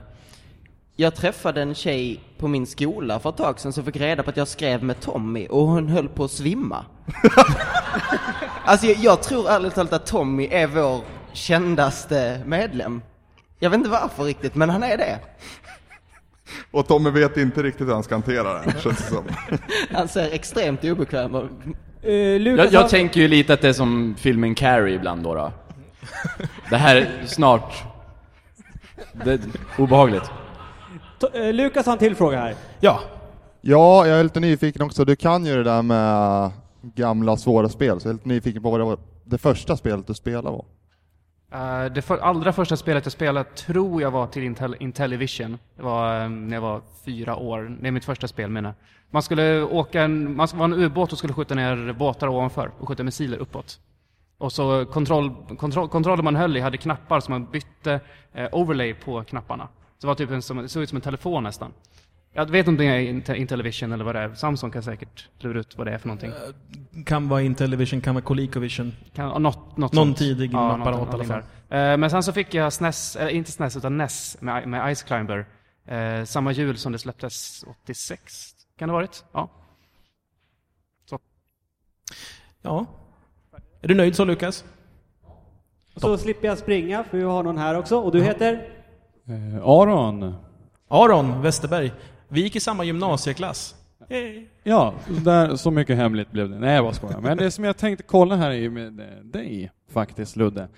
Ni har ju en blogg, en sidoblogg som kallas för Junior, som eh, är eh, väldigt intressant för, för mig som är förälder, eller kanske för andra som är föräldrar, eller för barn som vill veta hur tänker mamma och pappa när jag spelar hela tiden. Och jag vet inte om ni har stenkoll på vilka segment som läser er sida, men kommer ni börja, eller har ni försökt med en podcast?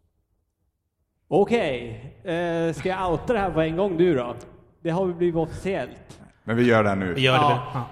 Eh, då är jag ledsen att säga att eh, från och med nästa vecka så försvinner Junior från svampriket.se. eh, det är ett beslut som har fattats. Eh, de som har varit med, Robert och Elin som har varit med och drivit eh, Junior, ska få en ny Junior nu och kommer ha mycket att göra. Och vi kommer lägga fokus på annat. Men jag kommer ju fort, fortfarande spela familjespel och sånt och recensera det på Svampriket. För oss som är helt i det mörka med det här, Junior är alltså våran eh, familjeavdelning på sajten där vi koncentrerar oss på familjevänliga spel. Och då riktar vi oss alltså till spelande föräldrar som har barn, Ja, inte precis. till barna i sig.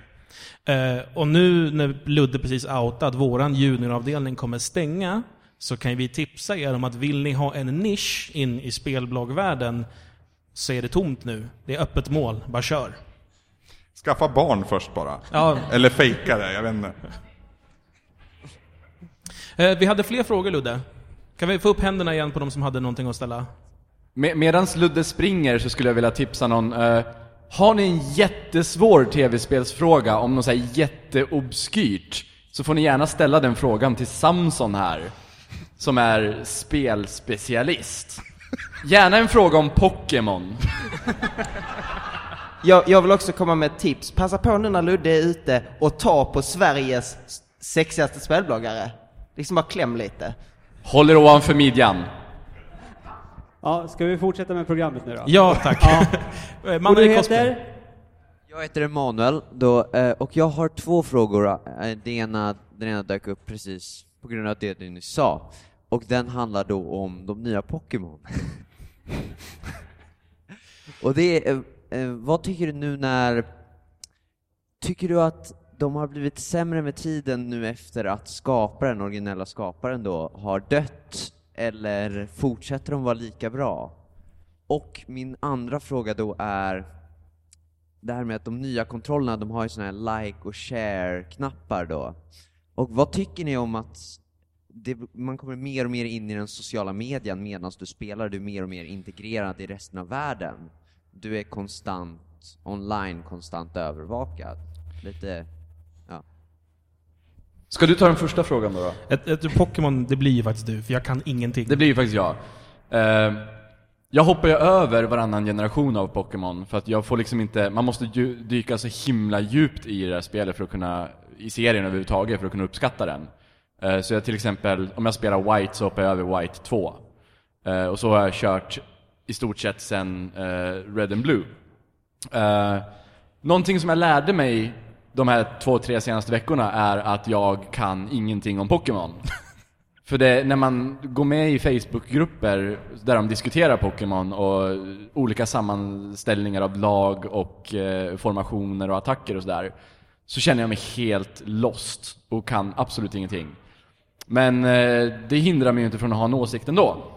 eh, och jag kan ju säga att det känns ju, vad är de uppe i nu? Är det 700 Pokémon eller något sånt där? 718? 718. Ja, kolla, alla vet mer än vad jag vet. Men det, det är 700 någonting, 18. Eh, det känns ju lite som att de kanske kunde ha slutat 250. När, jag visste till exempel inte att han som gjorde originaldesignen, att han eh, hade avlidit. När hände det? Ja, det var under de här uh, kärnkraftverksexplosionerna och jordbävningarna och sånt som hände där i Aha. Japan. Där Var det relaterat till det också? Eh, Jag tror det. Eh, Så som jag har sett det så var det det. Han dog. Så ja, de- jordbävningen eller något sånt. Så Pokémon White och Black var det första där han inte var med då? då? Jag tror han hade någon fot i det, någon tidigare skiss eller något sånt, fast ja, han var, i större delen av den så var han inte inblandad. För nu, nu har vi ju en Pokémon som är en nyckelring. Ja, eh, ja, Klefki. Eh, Bokstavligt talat. Ja. ja actually. Eh, jag tycker det är viktigt, det är jättelätt att kritisera den nya designen, men det är ju viktigt att komma ihåg eh, när man säger att det var bättre förr, och komma ihåg Mr. Mime. Och sen inte spinna vidare på det. Den andra Du frågan- dissar inte Mr. Mime. Han är skitläskig. Den andra frågan som dök upp eh, var ju om share-funktionerna och eh, att vi blir mycket mer publika med vårt spelande, vi är offentliga med det. Eh, det är en tvådelad fråga känner jag. Eh, jag är jätteglad över att man kan dela med sig om man vill. Alltså att nu vill jag visa upp det, det är mycket lättare, man behöver inte köpa capture-utrustning och ha en jättebra PC och allt vad det är, utan det är ett klick och så finns det på Switch. Jag, jag älskar att den finns när jag får hem spel tidigt, så kan jag lägga upp på Facebook att jag låst upp achievements, så alla mina vänner blir avundsjuka. Problemet är att det kan ju bli väldigt inträngande. Eh, Jag vet inte hur trött jag är på att se alla Candy Crush-invitationer hela tiden på Facebook. Om det Candy nu, Crush, woo! och om det nu istället kommer... Om det nu istället kommer... Hej, välkomna. Eh, vi väntar. Det. Det jag reagerar på det är att det kan bli jävligt jobbigt. Eh, för jag är inte alltid så jäkla intresserad av vad de andra spelar hela tiden. Eh, innan det finns, fanns inbyggt i konsolerna som det gör nu så har det ju funnits tjänster som Raptor till exempel, om det är någon som vet vad det är. Eh, din nättjänst där du knyter an din gamertag och ditt PSN-ID och så twittrar den typ Åh, du tog den achievementen, lyck grattis. Jag skulle vilja köra en liten historielektion till Linus, framförallt. För att en gång i tiden så fanns internet 1.0. Och då hade inte vi som upplevde internet någonting att göra där förutom att läsa och ta in information. Och sen kom det som heter 2.0. Då kom med MySpace och det som senare blev Facebook och Twitter. Där vi fick en röst, vi fick en mikrofon och vi var med och skapade det vi känner som internet. Och någonstans är det väl internet 2.0 som blir på den här generationens konsoler. För att för, alltså, största grejen med förra generationen, nuvarande generationen, är ju att alla är uppkopplade på ett eller annat sätt. Och det har man applicerat mycket kring. Eh, nu ska vi dels ta emot internet, men vi ska också sända ut vad vi gör med det.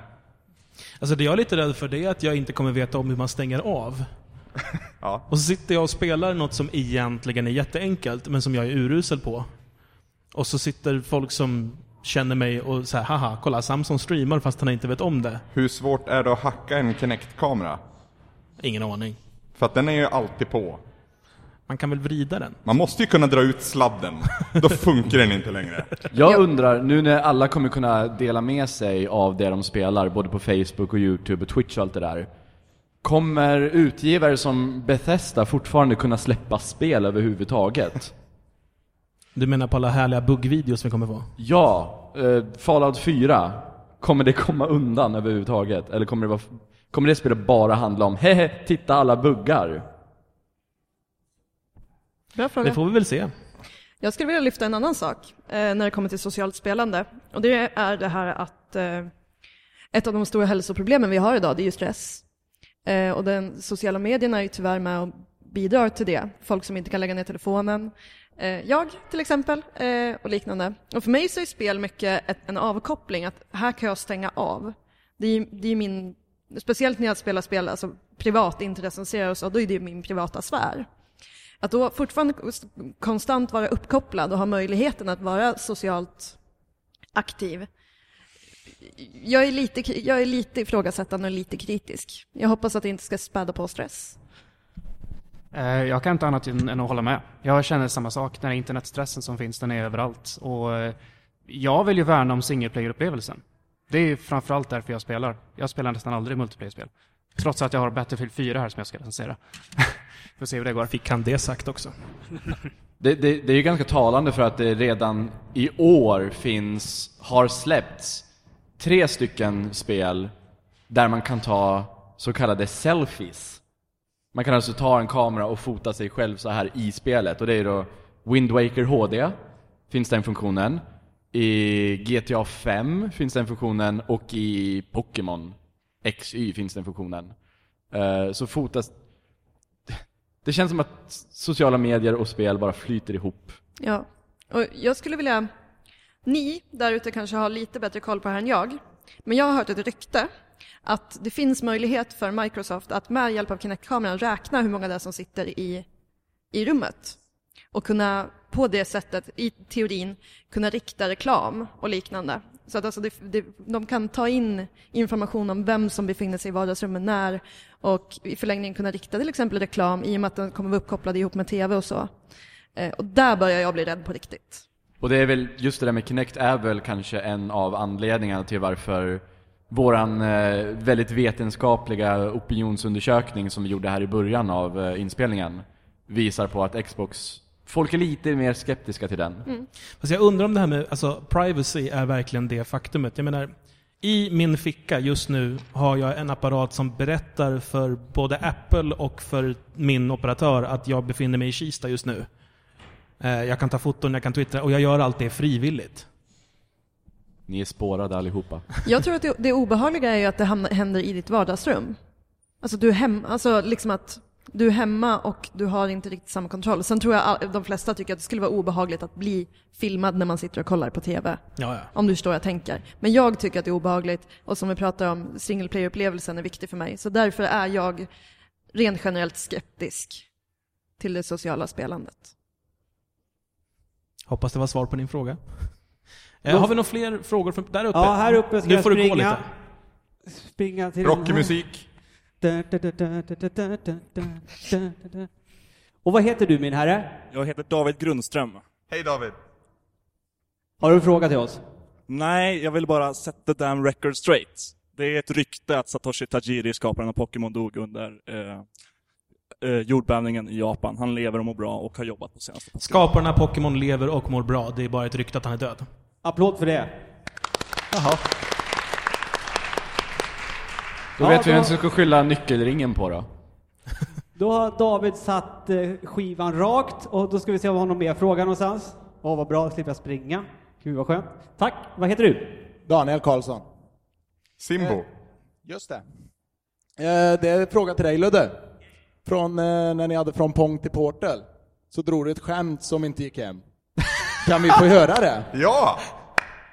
Vad var det för skämt? Var det, var, var det det där skämtet om Ludde som tioåring?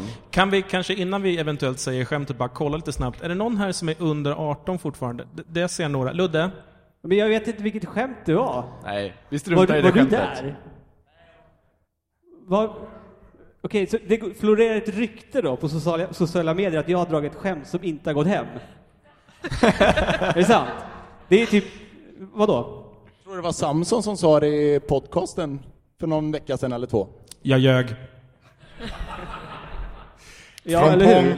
från Pong till Portal är alltså en föreläsning som Ludde och Samson gjorde på, eh, nu har jag tappat bort vad det heter, Gamers Geekfest i Gävle tidigare i höst. Ja, Och den typ- eh, kan få fortsätta bena och få fortsätta någon annanstans kanske. Vi hade ju tänkt vi skulle föreläsa här istället Mm. för det här tråkiga. Mm. Eh, Men, men vi orkade inte. Nej, förhoppningsvis kan ni få se den föreläsningen inom en snar framtid. Och det är alltså inga skämt som inte går hem i den. Hade vi några fler frågor, Ludde? Det, där ute. Massa. Och vad heter du? Oskar Åslund. Hej Oskar, vad är frågan du har då? Du som kan så mycket om Pokémon, vad tycker du om att det kommer massor av nya Pokémon per generation? Tommy, vad tycker du om det? Vad kul att jag får prata Pokémon. De tog, ja. Ehm,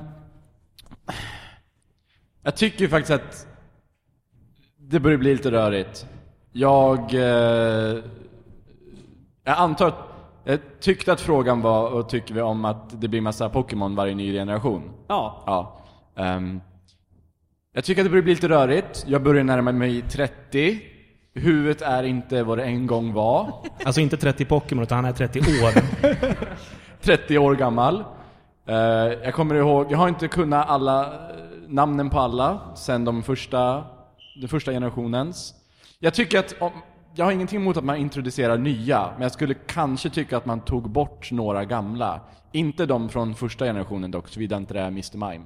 Men kanske de som känns lite mer som en IKEA-möbel Ja. än en Pokémon. Jag tycker, jag tycker att det känns lite mer motiverat nu när de har introducerat den nya typen, Fairy. Eh, Jag tycker att då känns det lite mer motiverat. Men istället så satt de bara den Fairy på, de, på massa gamla känns det som.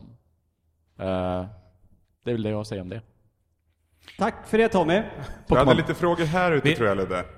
På Ja, andra sidan. andra På vänster sidan. sidan. Jag tyckte jag såg händer uppe i alla fall. Eller, Var det några händer här? Inga händer? Nej. Har- får jag springa ner där då? Ja. Ja, och nu håller vi tummar och tår att det inte är Pokémon-relaterade frågor. då kör vi igen då. Ja, det igen då. Och det är eh, väldigt nyfiken på hur, eh, eh, vad jag har förstått av eh, Svamprikets redaktion så har ni en, en, en brinnande driv av att se på spelmediet som en eh, form av eh, konst eh, inom vår populärkultur. Och det här, med den värderingen och att kunna gå att komma ut kommersiellt och vilja jobba heltid med det här. Är inte det ett ganska stort dilemma när 99% betraktar spelmediet som en eh, konsumentprodukt? Absolut. Eh, och vi kommer ju aldrig böja på oss. Vi får väl snarare hoppas att resten av världen vänder på sig. För att Men alltså pro- problemet är väl att vi, vi har ingen... eh, Det finns ingen gammal kontext för spel. Det är så pass ungt fortfarande. För att de flesta filmer som jag tittar på idag är inte konst, tror jag. Eh, jag tittar på dumma Michael Bay-rullar och fåniga komedier. Men samtidigt så har jag ändå respekt för film som konstform, för det finns Bergman också. Men än så länge har vi inte etablerat vad tv-spelens motsvarighet skulle kunna vara. Man pratar ju ofta om att vi behöver ett spelets Citizen Kane. Eh, och vi har inget. Eh, och de flesta som spelar spel som inte gör det så intensivt som vi och säkert många av er gör, tänker inte på spel som en kulturyttring, utan tänker på det jag gör när ungarna har lagt sig, eller det jag gör när jag väntar på att ugnen ska bli varm. Eh, vilket gör att man kanske inte ser på det som en eventuell konstform också.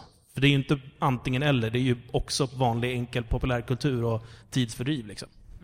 Där kan ju jag också flika in att eh, alltså, kulturarbetare får inte betalt heller, så bara lägg ner den idén. Jag, har, jag försöker att hanka mig fram, men det går inte. Det, en, det låter som att, jag vet inte om vi kanske råkar lyssna på samma diskussion, eh, du och jag Samson, men när du nämner Citizen Kane, kan det vara så att vi redan har haft fyra, fem olika Citizen Kane? Bara att våran uppväxt är väldigt snabb jämfört med filmmediet.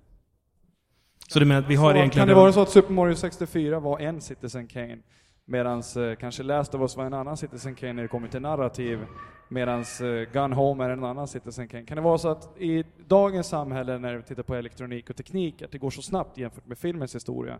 Kan det vara så att de redan har funnits, så att det är därför vi missar dem? Det kan mycket väl så att det, är, att, att det går så snabbt inom eh, IT-teknik att det är svårt att märka att oj, det där var visst våran. Samtidigt så jag menar, eh, för att klassa som konst in i finrummet så behövs det ju mer än att det är konstnärligt gameplay. Vet du vad som behövs? Gammalt folk behöver dö ut och ungt folk behöver komma upp. Det, det är bara det som krävs. Alltså, ko- kolla hur spel har boomat de senaste åren. Det är för att de som växte upp med NES nu är tongivande i samhället. Det här med att du säger att det går snabbt för spel, det tror jag faktiskt stämmer. För att spel behövde ju liksom inte lägga grunden för visuellt berättande på samma sätt som film var tvungen. När film kom, då fanns det liksom inget liknande. När spel kommer så har ju liksom film redan rustat den grunden under en väldigt lång tid. Och spel är ju inte helt och hållet som film, men kan fortfarande, tycker jag, bygga det visuella berättandet på den grunden. Och så här, tweaka den lite grann för att göra det lite mer interaktivt och sådär. Samtidigt tycker jag att man ska göra mer än bara tweaka, för tittar man på film så kan man ju jämföra det med teater. Det finns ju många gemensamma faktorer, men film är ju sin egen konstart med hur man hanterar kamera och ljus på ett annat sätt. Och det, och det är ju många spel som fortfarande, när de vill berätta någonting, så fort de börjar det berättandet så slutar de vara spel. Det är väldigt många spel som gameplay, gameplay, gameplay, här är det spel. Filmsekvens, här slutar det vara spel. Och då kan man ju inte, när, när vi fortfarande gör så i berättande spel så vet jag inte om man kan kalla det för spelberättande. För att man använder ju fortfarande filmmediet mellan gameplay-sessionerna. Så det är klurigt. Vi hade någon kommentar där.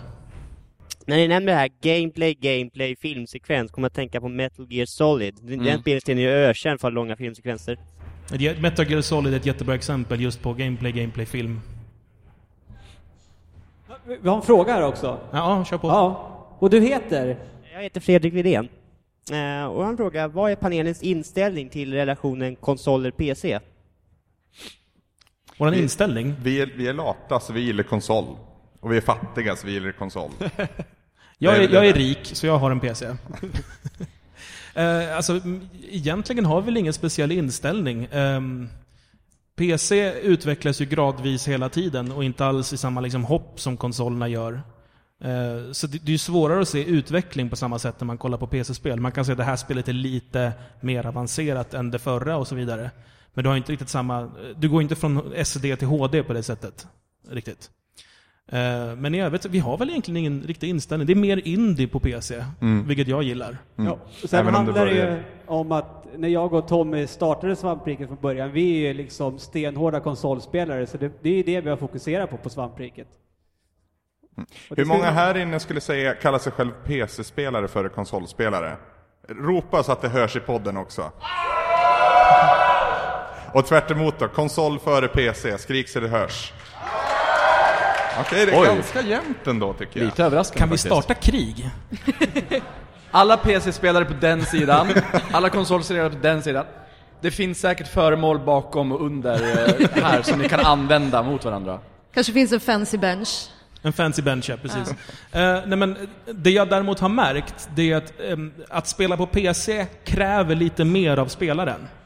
Kanske inte lika mycket nu som det var på 90-talet, men det är fortfarande lite mer. Du ska ha rätt Tålamod. patch, du ska ha tålamod, du ska ha rätt inställningar, du ska ha... Ibland behöver du speciella grejer för att ditt grafikkort är lite speciellt jämfört med andra och så vidare. Eh, vilket upplever jag eh, ofta kan få PC-spelare som jag själv att se ner lite på konsolbarnen. Eftersom vi får anstränga oss lite mer för att få våra spel bra. Det är väl det som gör att jag tycker att det är ganska skönt med konsol. Därför att jag behöver inte tänka så jäkla mycket. Ja. Jag köper ett spel, det funkar i min konsol. Och jag Och- tycker att det är väldigt bekvämt. Det Och här, sen- det här är min dator. Jag har en Mac. Jag kan inte spela på min dator. Liksom. Så att jag, jag tycker konsol är jättebekvämt. Och sen har Nintendo aldrig gjort ett PC-spel. Det är en viktig anledning. Fast Mario har varit med i PC-spel. Ja, men Nintendo har aldrig... Miyamoto har aldrig skapat ett spel på PC. Och sen är det ju intressant att konsoler och PC kryper ju närmare och närmare varandra hela tiden. Eh, konsoler idag är ju nästan PC som man inte kan byta ut hårdvaran på. När, när, man börjar, när man börjar installera, alltså nu, nu på nästa generation ska man i princip installera allt. More or less. Det, det tycker jag är jättetråkigt, för det har varit det sköna med, med konsolspel, det är plug and play. Plug and play är typ det bästa som finns. Men på nästa generation så kommer du kunna börja spela medan den installerar. Är inte det en av featuresarna? Jo, det är i och för sig skönt, men vi, det, det snack, vad det, snackar vi det i podd eller utanför podd, men det här med att, vet du det, hårddiskarna är ju för små, för du kan ju inte ha särskilt många spel. På PS4 så kan du byta din hårddisk själv, det kan du inte på Xbox One. Nej. Det är jätteminus. Mm. Det sitter väl vad en 500 gig i en Xbox One tror jag. Aha. Sen kommer det väl säkert någon premiumvariant som är större, men 500 gig, Allt ska det i är inte molnet. många Blu-ray-skivor alltså. Allt ska upp i molnet. Nej, men sen är ju det ett problem som redan existerar. Jag, jag, jag säljer tv-spel också eh, som jobb. Eh, och jag upplever ju också det problemet att det, kom, det jag har kunder som inte kan köpa spel, som inte kan köpa GTA 5 för att det är 8 gig du ska installera. Bara en sån sak som att det finns en Xbox med 4 gigs hårddisk. The fuck? Vad hände där liksom? Vem, vem på kontoret tyckte att det var en bra idé? Det, Det är samma företag som en gång sa, ingen kommer någonsin behöva mer än 640K. ja, det är sant. Eh, Ludde? Jag har en fråga. Ja, jag, måste... Jag, jag, Jaha, okej. Vänta lite nu här. Eh, angående konsol kontra PC. För mig är det faktiskt en så enkel grej att jag vill inte sitta i min kontorsstol och spela. Jag vill sitta, jag vill ligga i min soffa under ett täcke och spela. Fast det gör ju jag. Jo, men du kan, kan du sitta där med mus, mus och tangentbord? Liggandes? Big picture mode. I Steam. Det blir krångligt med ett mus och tangentbord. Ja, men jag behöver inte mus och tangentbord, jag har en handkontroll. Kan du spela alla spel med handkontroll? Nej, men de flesta. De jag spelar. Okej. Eh, jo, Ludde. Fler hade vi fler frågor från publiken? Vi har fått mer publik. Ludde? Här, titta! På andra sidan. Första frågan från vänster. Woo! Det är alltså en röd fråga nu. To the left, to the left. Ja. Vad heter du? Chris. Hej Chris, hur mår du idag? Bra. Har du en fråga till oss? Ja, ehm, jag tänkte så med tanke på eh, att det är slutet av december och det börjar bli mörkt och jag älskar skräckspel men har fått slut för dem. Så tänkte jag, varför inte fråga världens konstigaste människor, vilka är de bästa skräckspelen för er? Amnesia. Spontant. Silent Hill. Silent Hill. Silent Hill. Ja men kom igen nu gamlingar. Två. Silent Hill 2. Jag har inte Ja spelat men, ja, men häng med i tiden lite. Pokémon. Jag vill säga det, jag och många av oss känner en kille som heter Jakob Mikkelsen som är indieutvecklare i Göteborg. Han har ett, jag skulle inte kalla det spel, han har byggt av en, eh, vad heter den, Wii-moten till PS3? Move. Ja, en Move-controller har han byggt en, till en pistol eh, och använt gyrot till det. Sen har han satt en projektor under den eh, så att du ska stå i ett jättemörkt rum och lysa som en ficklampa på väggen Och det som då projiceras är vad du ser i ficklampan. Och det, det ska verkligen vara ett kolsvart rum. Och jag, bara konceptet bakom gör mig livrädd. Så ett jättebra läskigt spel är ett spel som du aldrig får spela om du inte känner Jakob tydligen. Jag, jag älskar att du kallar Move för Wiimoten till Playstation. Du Anders, hade inte du en närkontakt med eh, Oculus Rift också? Och en haj? Jo. Var inte det ganska farligt? Ja, det, det var också läskigt. Men det var, Jakob lurade mig där. Eh, Det, det här klippet finns alltså på våran YouTube-kanal. Vad ska man göra där Tommy?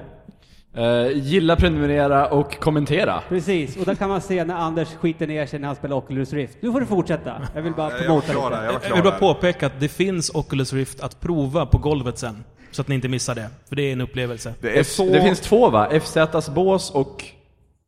Fråga inte mig. Ja, det fin- FZs bås och någonstans annat har jag hört. PC Gamer, säger de här borta. PC Gamer. Men det är väl Så om ni vill samma. köa lite grann. Igår var det jättelång kö för att prova det, men det är värt det. Det är så mycket coolare än vad ni tror, ni som inte har testat det. Jag var jätteskeptisk och jag är blown away. Vi har en till fråga Ludde. Ja, du pekar någonstans. Ja. Här är det en hand som är uppe. Hallå, och du heter? Ali. Och din fråga är? Uh, med all snack om eh, PC och konsoler så tycker jag, vad tycker ni om Nvidia Shield? Jag har- det här, det här är en Samsung-fråga. Jag har inte fått fingra på den än, och de jävlarna vill inte skicka med ett recensionsexemplar. Vi är för små. Eh, men, men alltså idén tycker jag är skitläcker. Ehm, är det fortfarande så att man är tvungen att ha liksom den i närheten av ens riktiga dator som sköter det? Vet du det? Eh, jag är inte helt säker. För, så vitt, alltså, för de som undrar, Nvidia Shield är alltså en liten bärbar PC-spelsmanick som, om jag har förstått det rätt, synkar med din hemdator. Så att din hemdator spelar spelet och streamar det till då den här lilla manicken du har. Eh, lite som en, en eh, vad heter det, Wii U-pad. Att man kan spela på den liksom. Det är någon som pratar här borta som jag inte hör så bra. Micken Ludde. Gud vad långsam du är. Varför Vem- skickade vem gamla pratade? på det där? Det var du. Och vad sa du? Shielden är väl byggd på Android som man sen använder den wifi eller bluetooth eller vad det är för att streama spel, jag vet inte riktigt. Mm.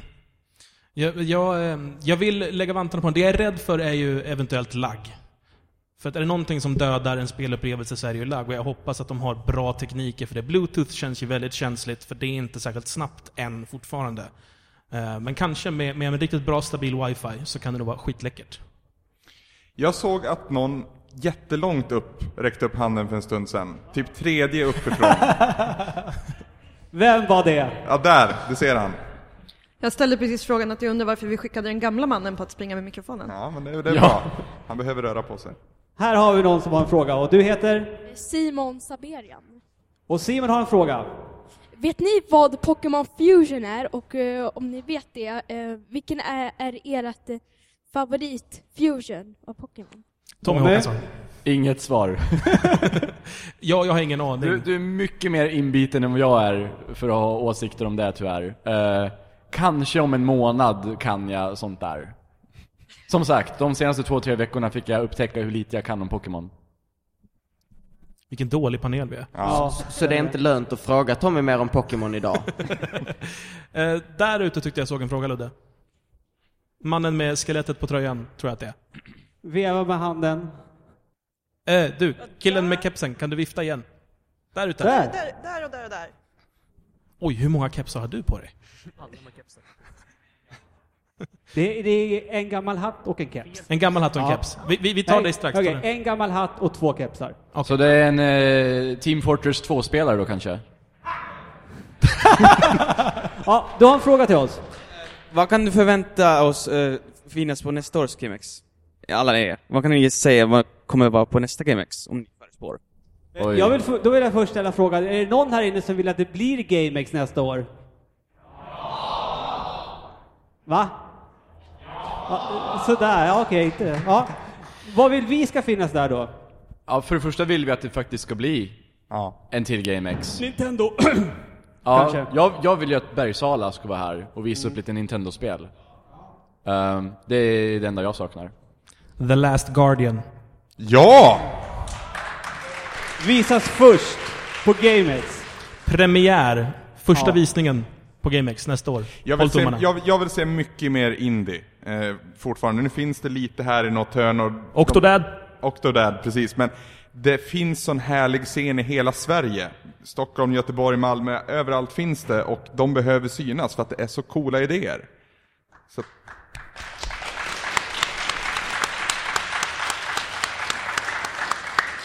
Mer indie.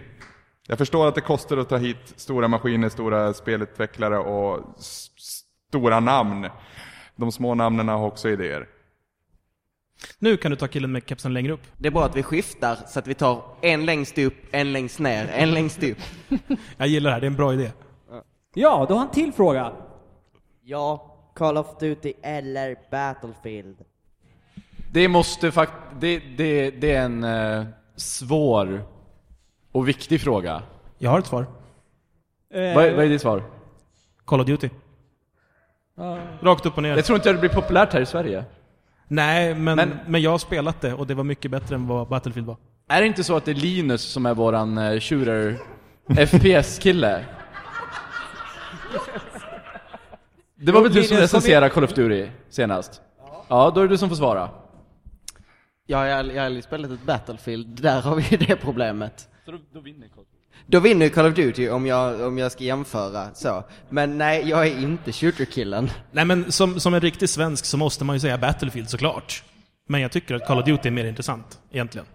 Jag tror att om, om, om, vi, om vi gick in för spelen som det är tänkt att man ska gå in för spelen så hade vi föredragit Battlefield. För att eh, multiplayer läggs allt fokus på. Call of Duty har en mer genom, genomarbetad single player-kampanj oftast. I de spelen jag har spelat i alla fall. Ehm, och vi gillar single player, många av oss. Vi har ingen riktig sån här multiplayer-fanatik. Är det Så- inte så att Battlefield 4 har eh, ett mer genom, genomarbetat single player-läge? Har jag hört. Jag vet inte. Det, det får du ta reda på. Ja, jag har det här. Jag, jag vet det Jag, snart. jag, kan, jag kan ju däremot säga att om du ska välja en bra shooter snart och du ska, står och väljer så här, ska jag ha Call of Duty Ghosts eller ska jag ha Battlefield 4? Skit i dem och titta på Titanfall. För Titanfall is the shit. Så, så vårt svar är helt enkelt Halo. Eller tycker Du, är ju, du, du älskar Halo. Älskar jag teamen? Ja, jag tycker om Halo, speciellt första. Så du är våran FPS-kille. Eh, Titanfall, om, för de som kanske inte vet, eh, är ju...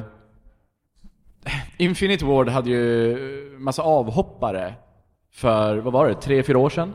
Eh, Efter Modern Warfare 2. Ja. Så efter. Modern Warfare 2 så har de alltså, de hoppade av, de blev lite osams med Activision. Eh, De plockades upp av Electronic Arts. Och det de har jobbat på nu är ju det här Titanfall då, då som Ja. är liksom de som satte Call of Duty Modern Warfare Och Tommy, för Tommy. vad det är idag. Ja, Ludde. Jag, jag gjorde en reflektion här nu jag, när jag stod. Något som vi lär oss få göra varje dag i vårt yrke. Pedagogiskt. Ja, en pedagogisk re- reflektion. Eh, kommer du ihåg att folk applåderade jättemycket när vi sa Playstation 4? Ja. Och det var även jättemycket folk som applåderade och jublade när vi sa Titanfall. Hur går det tänkte ihop? ni då? Ni kan ju inte spela det på eran PS4. Vill ni spela Titanfall måste ni köpa en Xbox One. Eller PC. Eller PC. Eller PC faktiskt. Eller Det har- 360 det har du i och för sig. Det är ju där man ska spela det. Har vi några fler frågor? Gärna här borta så han får springa långt. Är det en fråga där med hatt? Två till frågor på den sidan. Frågan. Fjärde raden, tredje från mitten. Skynda Ludde. Jag kommer vara så jävla tight röv sen. Jobba, det står jobba. ett bås, FZ alltså bås, kan ni ta på den sen. Eh, här har vi hatten. Jaha. Ja. Ja, vad heter du? Tobias Malmström. Hej Tobias. Din fråga är? I och med att vi diskuterar lite grann så här skillnader mellan konsoler och grejer, så jag var just och kollade på Tom Clancy's The Division och deras kombinering utav eh, både eh, konsolspel och att man kan spela det på en, basically en pad. Som en iPad eller liknande. Hur tycker ni om sådana saker? Anders, du var ju där igår. Jag var på visning och jag fick också en intervju eh, med en kille jag inte minns namnet på. Eh, men eh, det ser jävligt coolt ut för det första och det är alltså en MMO, RPG, Open World Shooter. Det som man sa länge att Call of Duty skulle bli, men aldrig blev. När WoW fortfarande bara slukade pengar från världen så pratade man om att Activision skulle gå in och göra ett Call of Duty MMO. Vi fick väl, det blev väl eh, Call of Duty Elite av det. Ja, Den här kanske. tjänsten istället. Kanske. Det här är då Tom Clancy's eh, The Division. Jag glömmer alltid titeln. Ehm, Vila i frid, Tom Clancy. Precis. Ja, just det. Ehm, det utspelar sig i ett apokalyptiskt eh, New York och eh, du spelar en typ av agent som har blivit insatt vid en sån här händelse. Eh, det har liksom funnits latenta fram till den här punkten. Det ser väldigt lovande ut. Jag vet inte riktigt hur det ser ut om man ska liksom tillåta eh, Xbox One, PC och PS4 Antagligen inte. i samma värld. Däremot det här med, alltså det här med paddan, eller ja, man, man kan ju alltså vara, eh, spela med fast man inte har en konsol om man har en iPad till exempel eller liknande. Precis. Det har ju funnits sån så här connectivity mellan saker, men det har väldigt sällan varit direkt. Mm. Det, i, I visningen jag såg nu, nu, du som ställde frågan såg säkert samma visning, men till er andra då, eh, så var det då två killar som satt och spelade och kom till en konfrontation med fiender. Eh, som, det är liksom tre, tredje person cover-based. Eh, en tredje person i, i det här laget då satt på en padda och styrde en typ av drone, kallas det väl. Eh, Drönare då, på svenska. Drönare, tack. Eh, som då kunde markera ut vart fienderna var och de kunde skjuta ihjäl fienderna genom väggen. Eh, och det var verkligen, det såg ut att vara riktigt bra liksom in time. Det var ingen fördröjning, det var verkligen han som styrde den. Och det funkade väldigt bra. Sen tror jag den kändes lite OP, men det är väl klassiskt när man ska Alltså visa det, upp någonting. det jag är lite rädd för, det är att man kommer vara beroende av att man har någon stackare som inte får spela med handkontroll. Eller så är det bara en massa drönare i den här jävla stan innan det är färdigt. För en iPad är billigare liksom. Nej, men idén tror jag, tycker jag är cool. Jag vill gärna se att man blandar flera medier. Att jag kan sitta på bussen på min iPhone och hjälpa mitt lag. eh, Men, eller i väntan på att jag kommer hem och kan hoppa in som vanlig spelare. Men jag vill inte att man är beroende av det. För det kan vara jättejobbigt att säga, vänta, kan du springa iväg? Eller, eller att någon sitter och så har de iPaden i knät samtidigt och multitaskar liksom. Jag vill ta en lite annan syn på det. Jag tycker det är fullständigt ointressant, ärligt talat. Allt det här med crossplay och liksom, jag har inget intresse av det alls. Kul.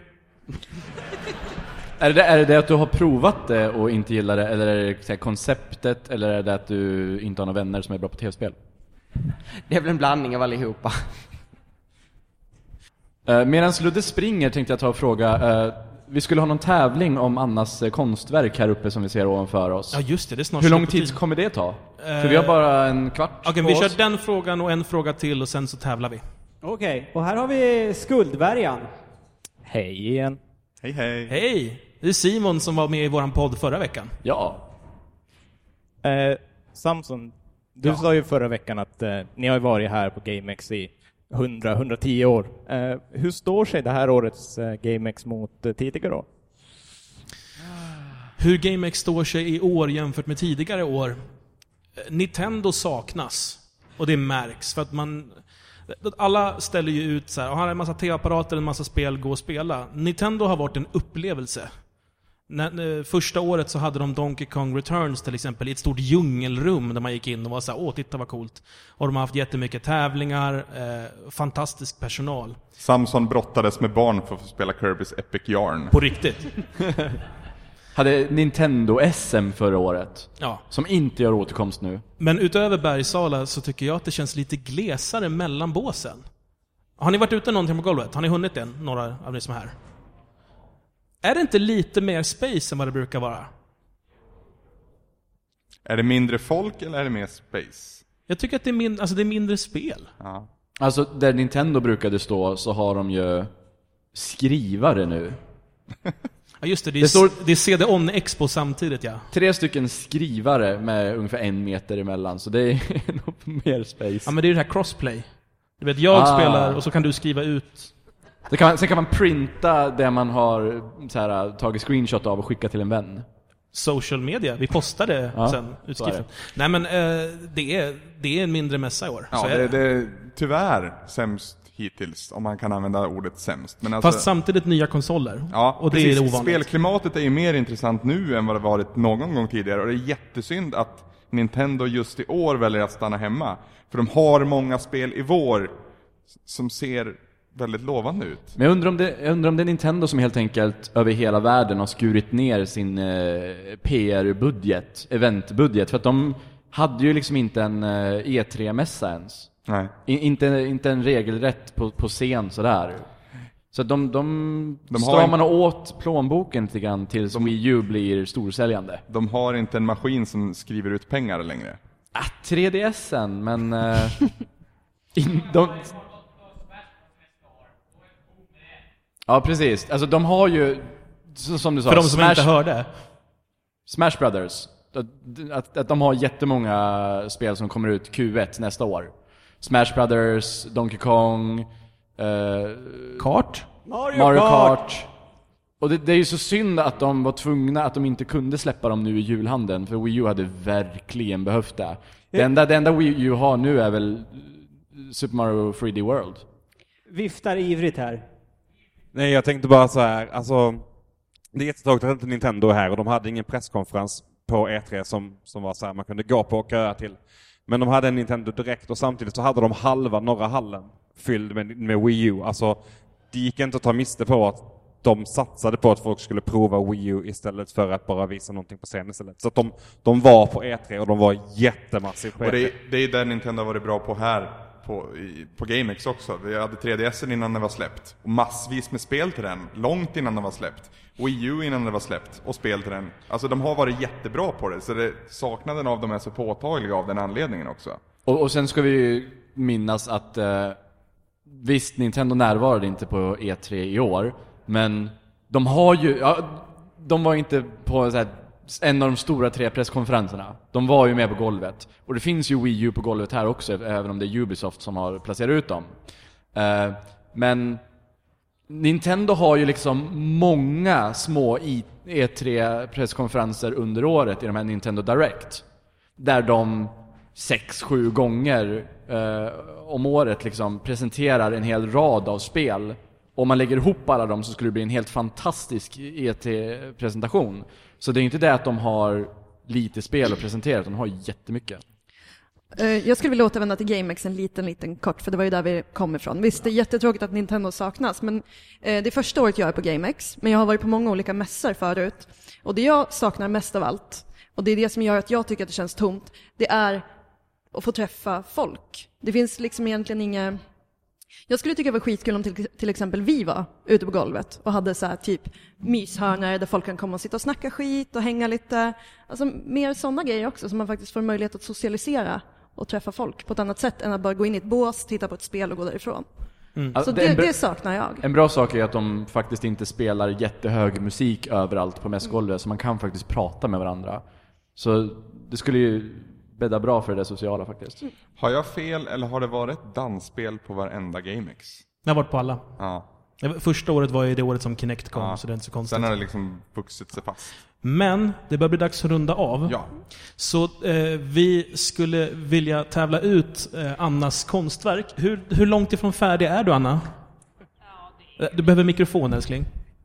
Ja, nej men eh, det ska ju färgläggas och det ska skuggas och det ska bakgrund på också liksom. Okej. Men man ser ju definitivt att det finns en grund här. Kan du zooma ut så vi får se hela motivet, hur långt du har kommit? Jajamän.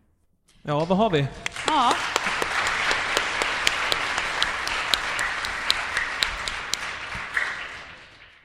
Eh, nu är vi lite halvt oförberedda på tävlingen, men jag tänkte göra som så.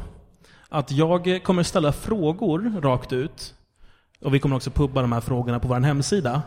Och, och Anders går med mikrofonen och ber Nej, om nej, svar. in, inte så. Inte nej, så. vad bra. jag kommer ställa några tv-spelsfrågor som vi också kommer pubba på hemsidan. Jag vill att ni mejlar in era svar så kommer vi att välja ut några av, eh, några av er som kommer vinna den färdiga versionen av affischen som Anna gör bakom oss. Jag, okej? jag har ett sånt här spontant förslag som bara bevisar hur oförberedda vi är. Varsågod, spontant Men jag, förslag. jag tycker att det är så fantastiskt att så många kom och så många satt kvar. Nu är det många som har sprungit fram och tillbaka. Kan vi inte ha två priser? Två vinster? Och en för de som lyssnar på det här i efterhand då, och så en till någon här. Någon som är på plats? Ja. Hmm. Så du ställer en fråga och så är den som skriker högst. Okej, men då tänker jag ställa en, en knepig tv-spels-trivia-fråga. Om du kan svaret, ropa det inte, utan räck upp en hand. Så kommer jag peka på den som jag tycker får vinna. Och har den rätt så vinner den personen direkt. Är det okej?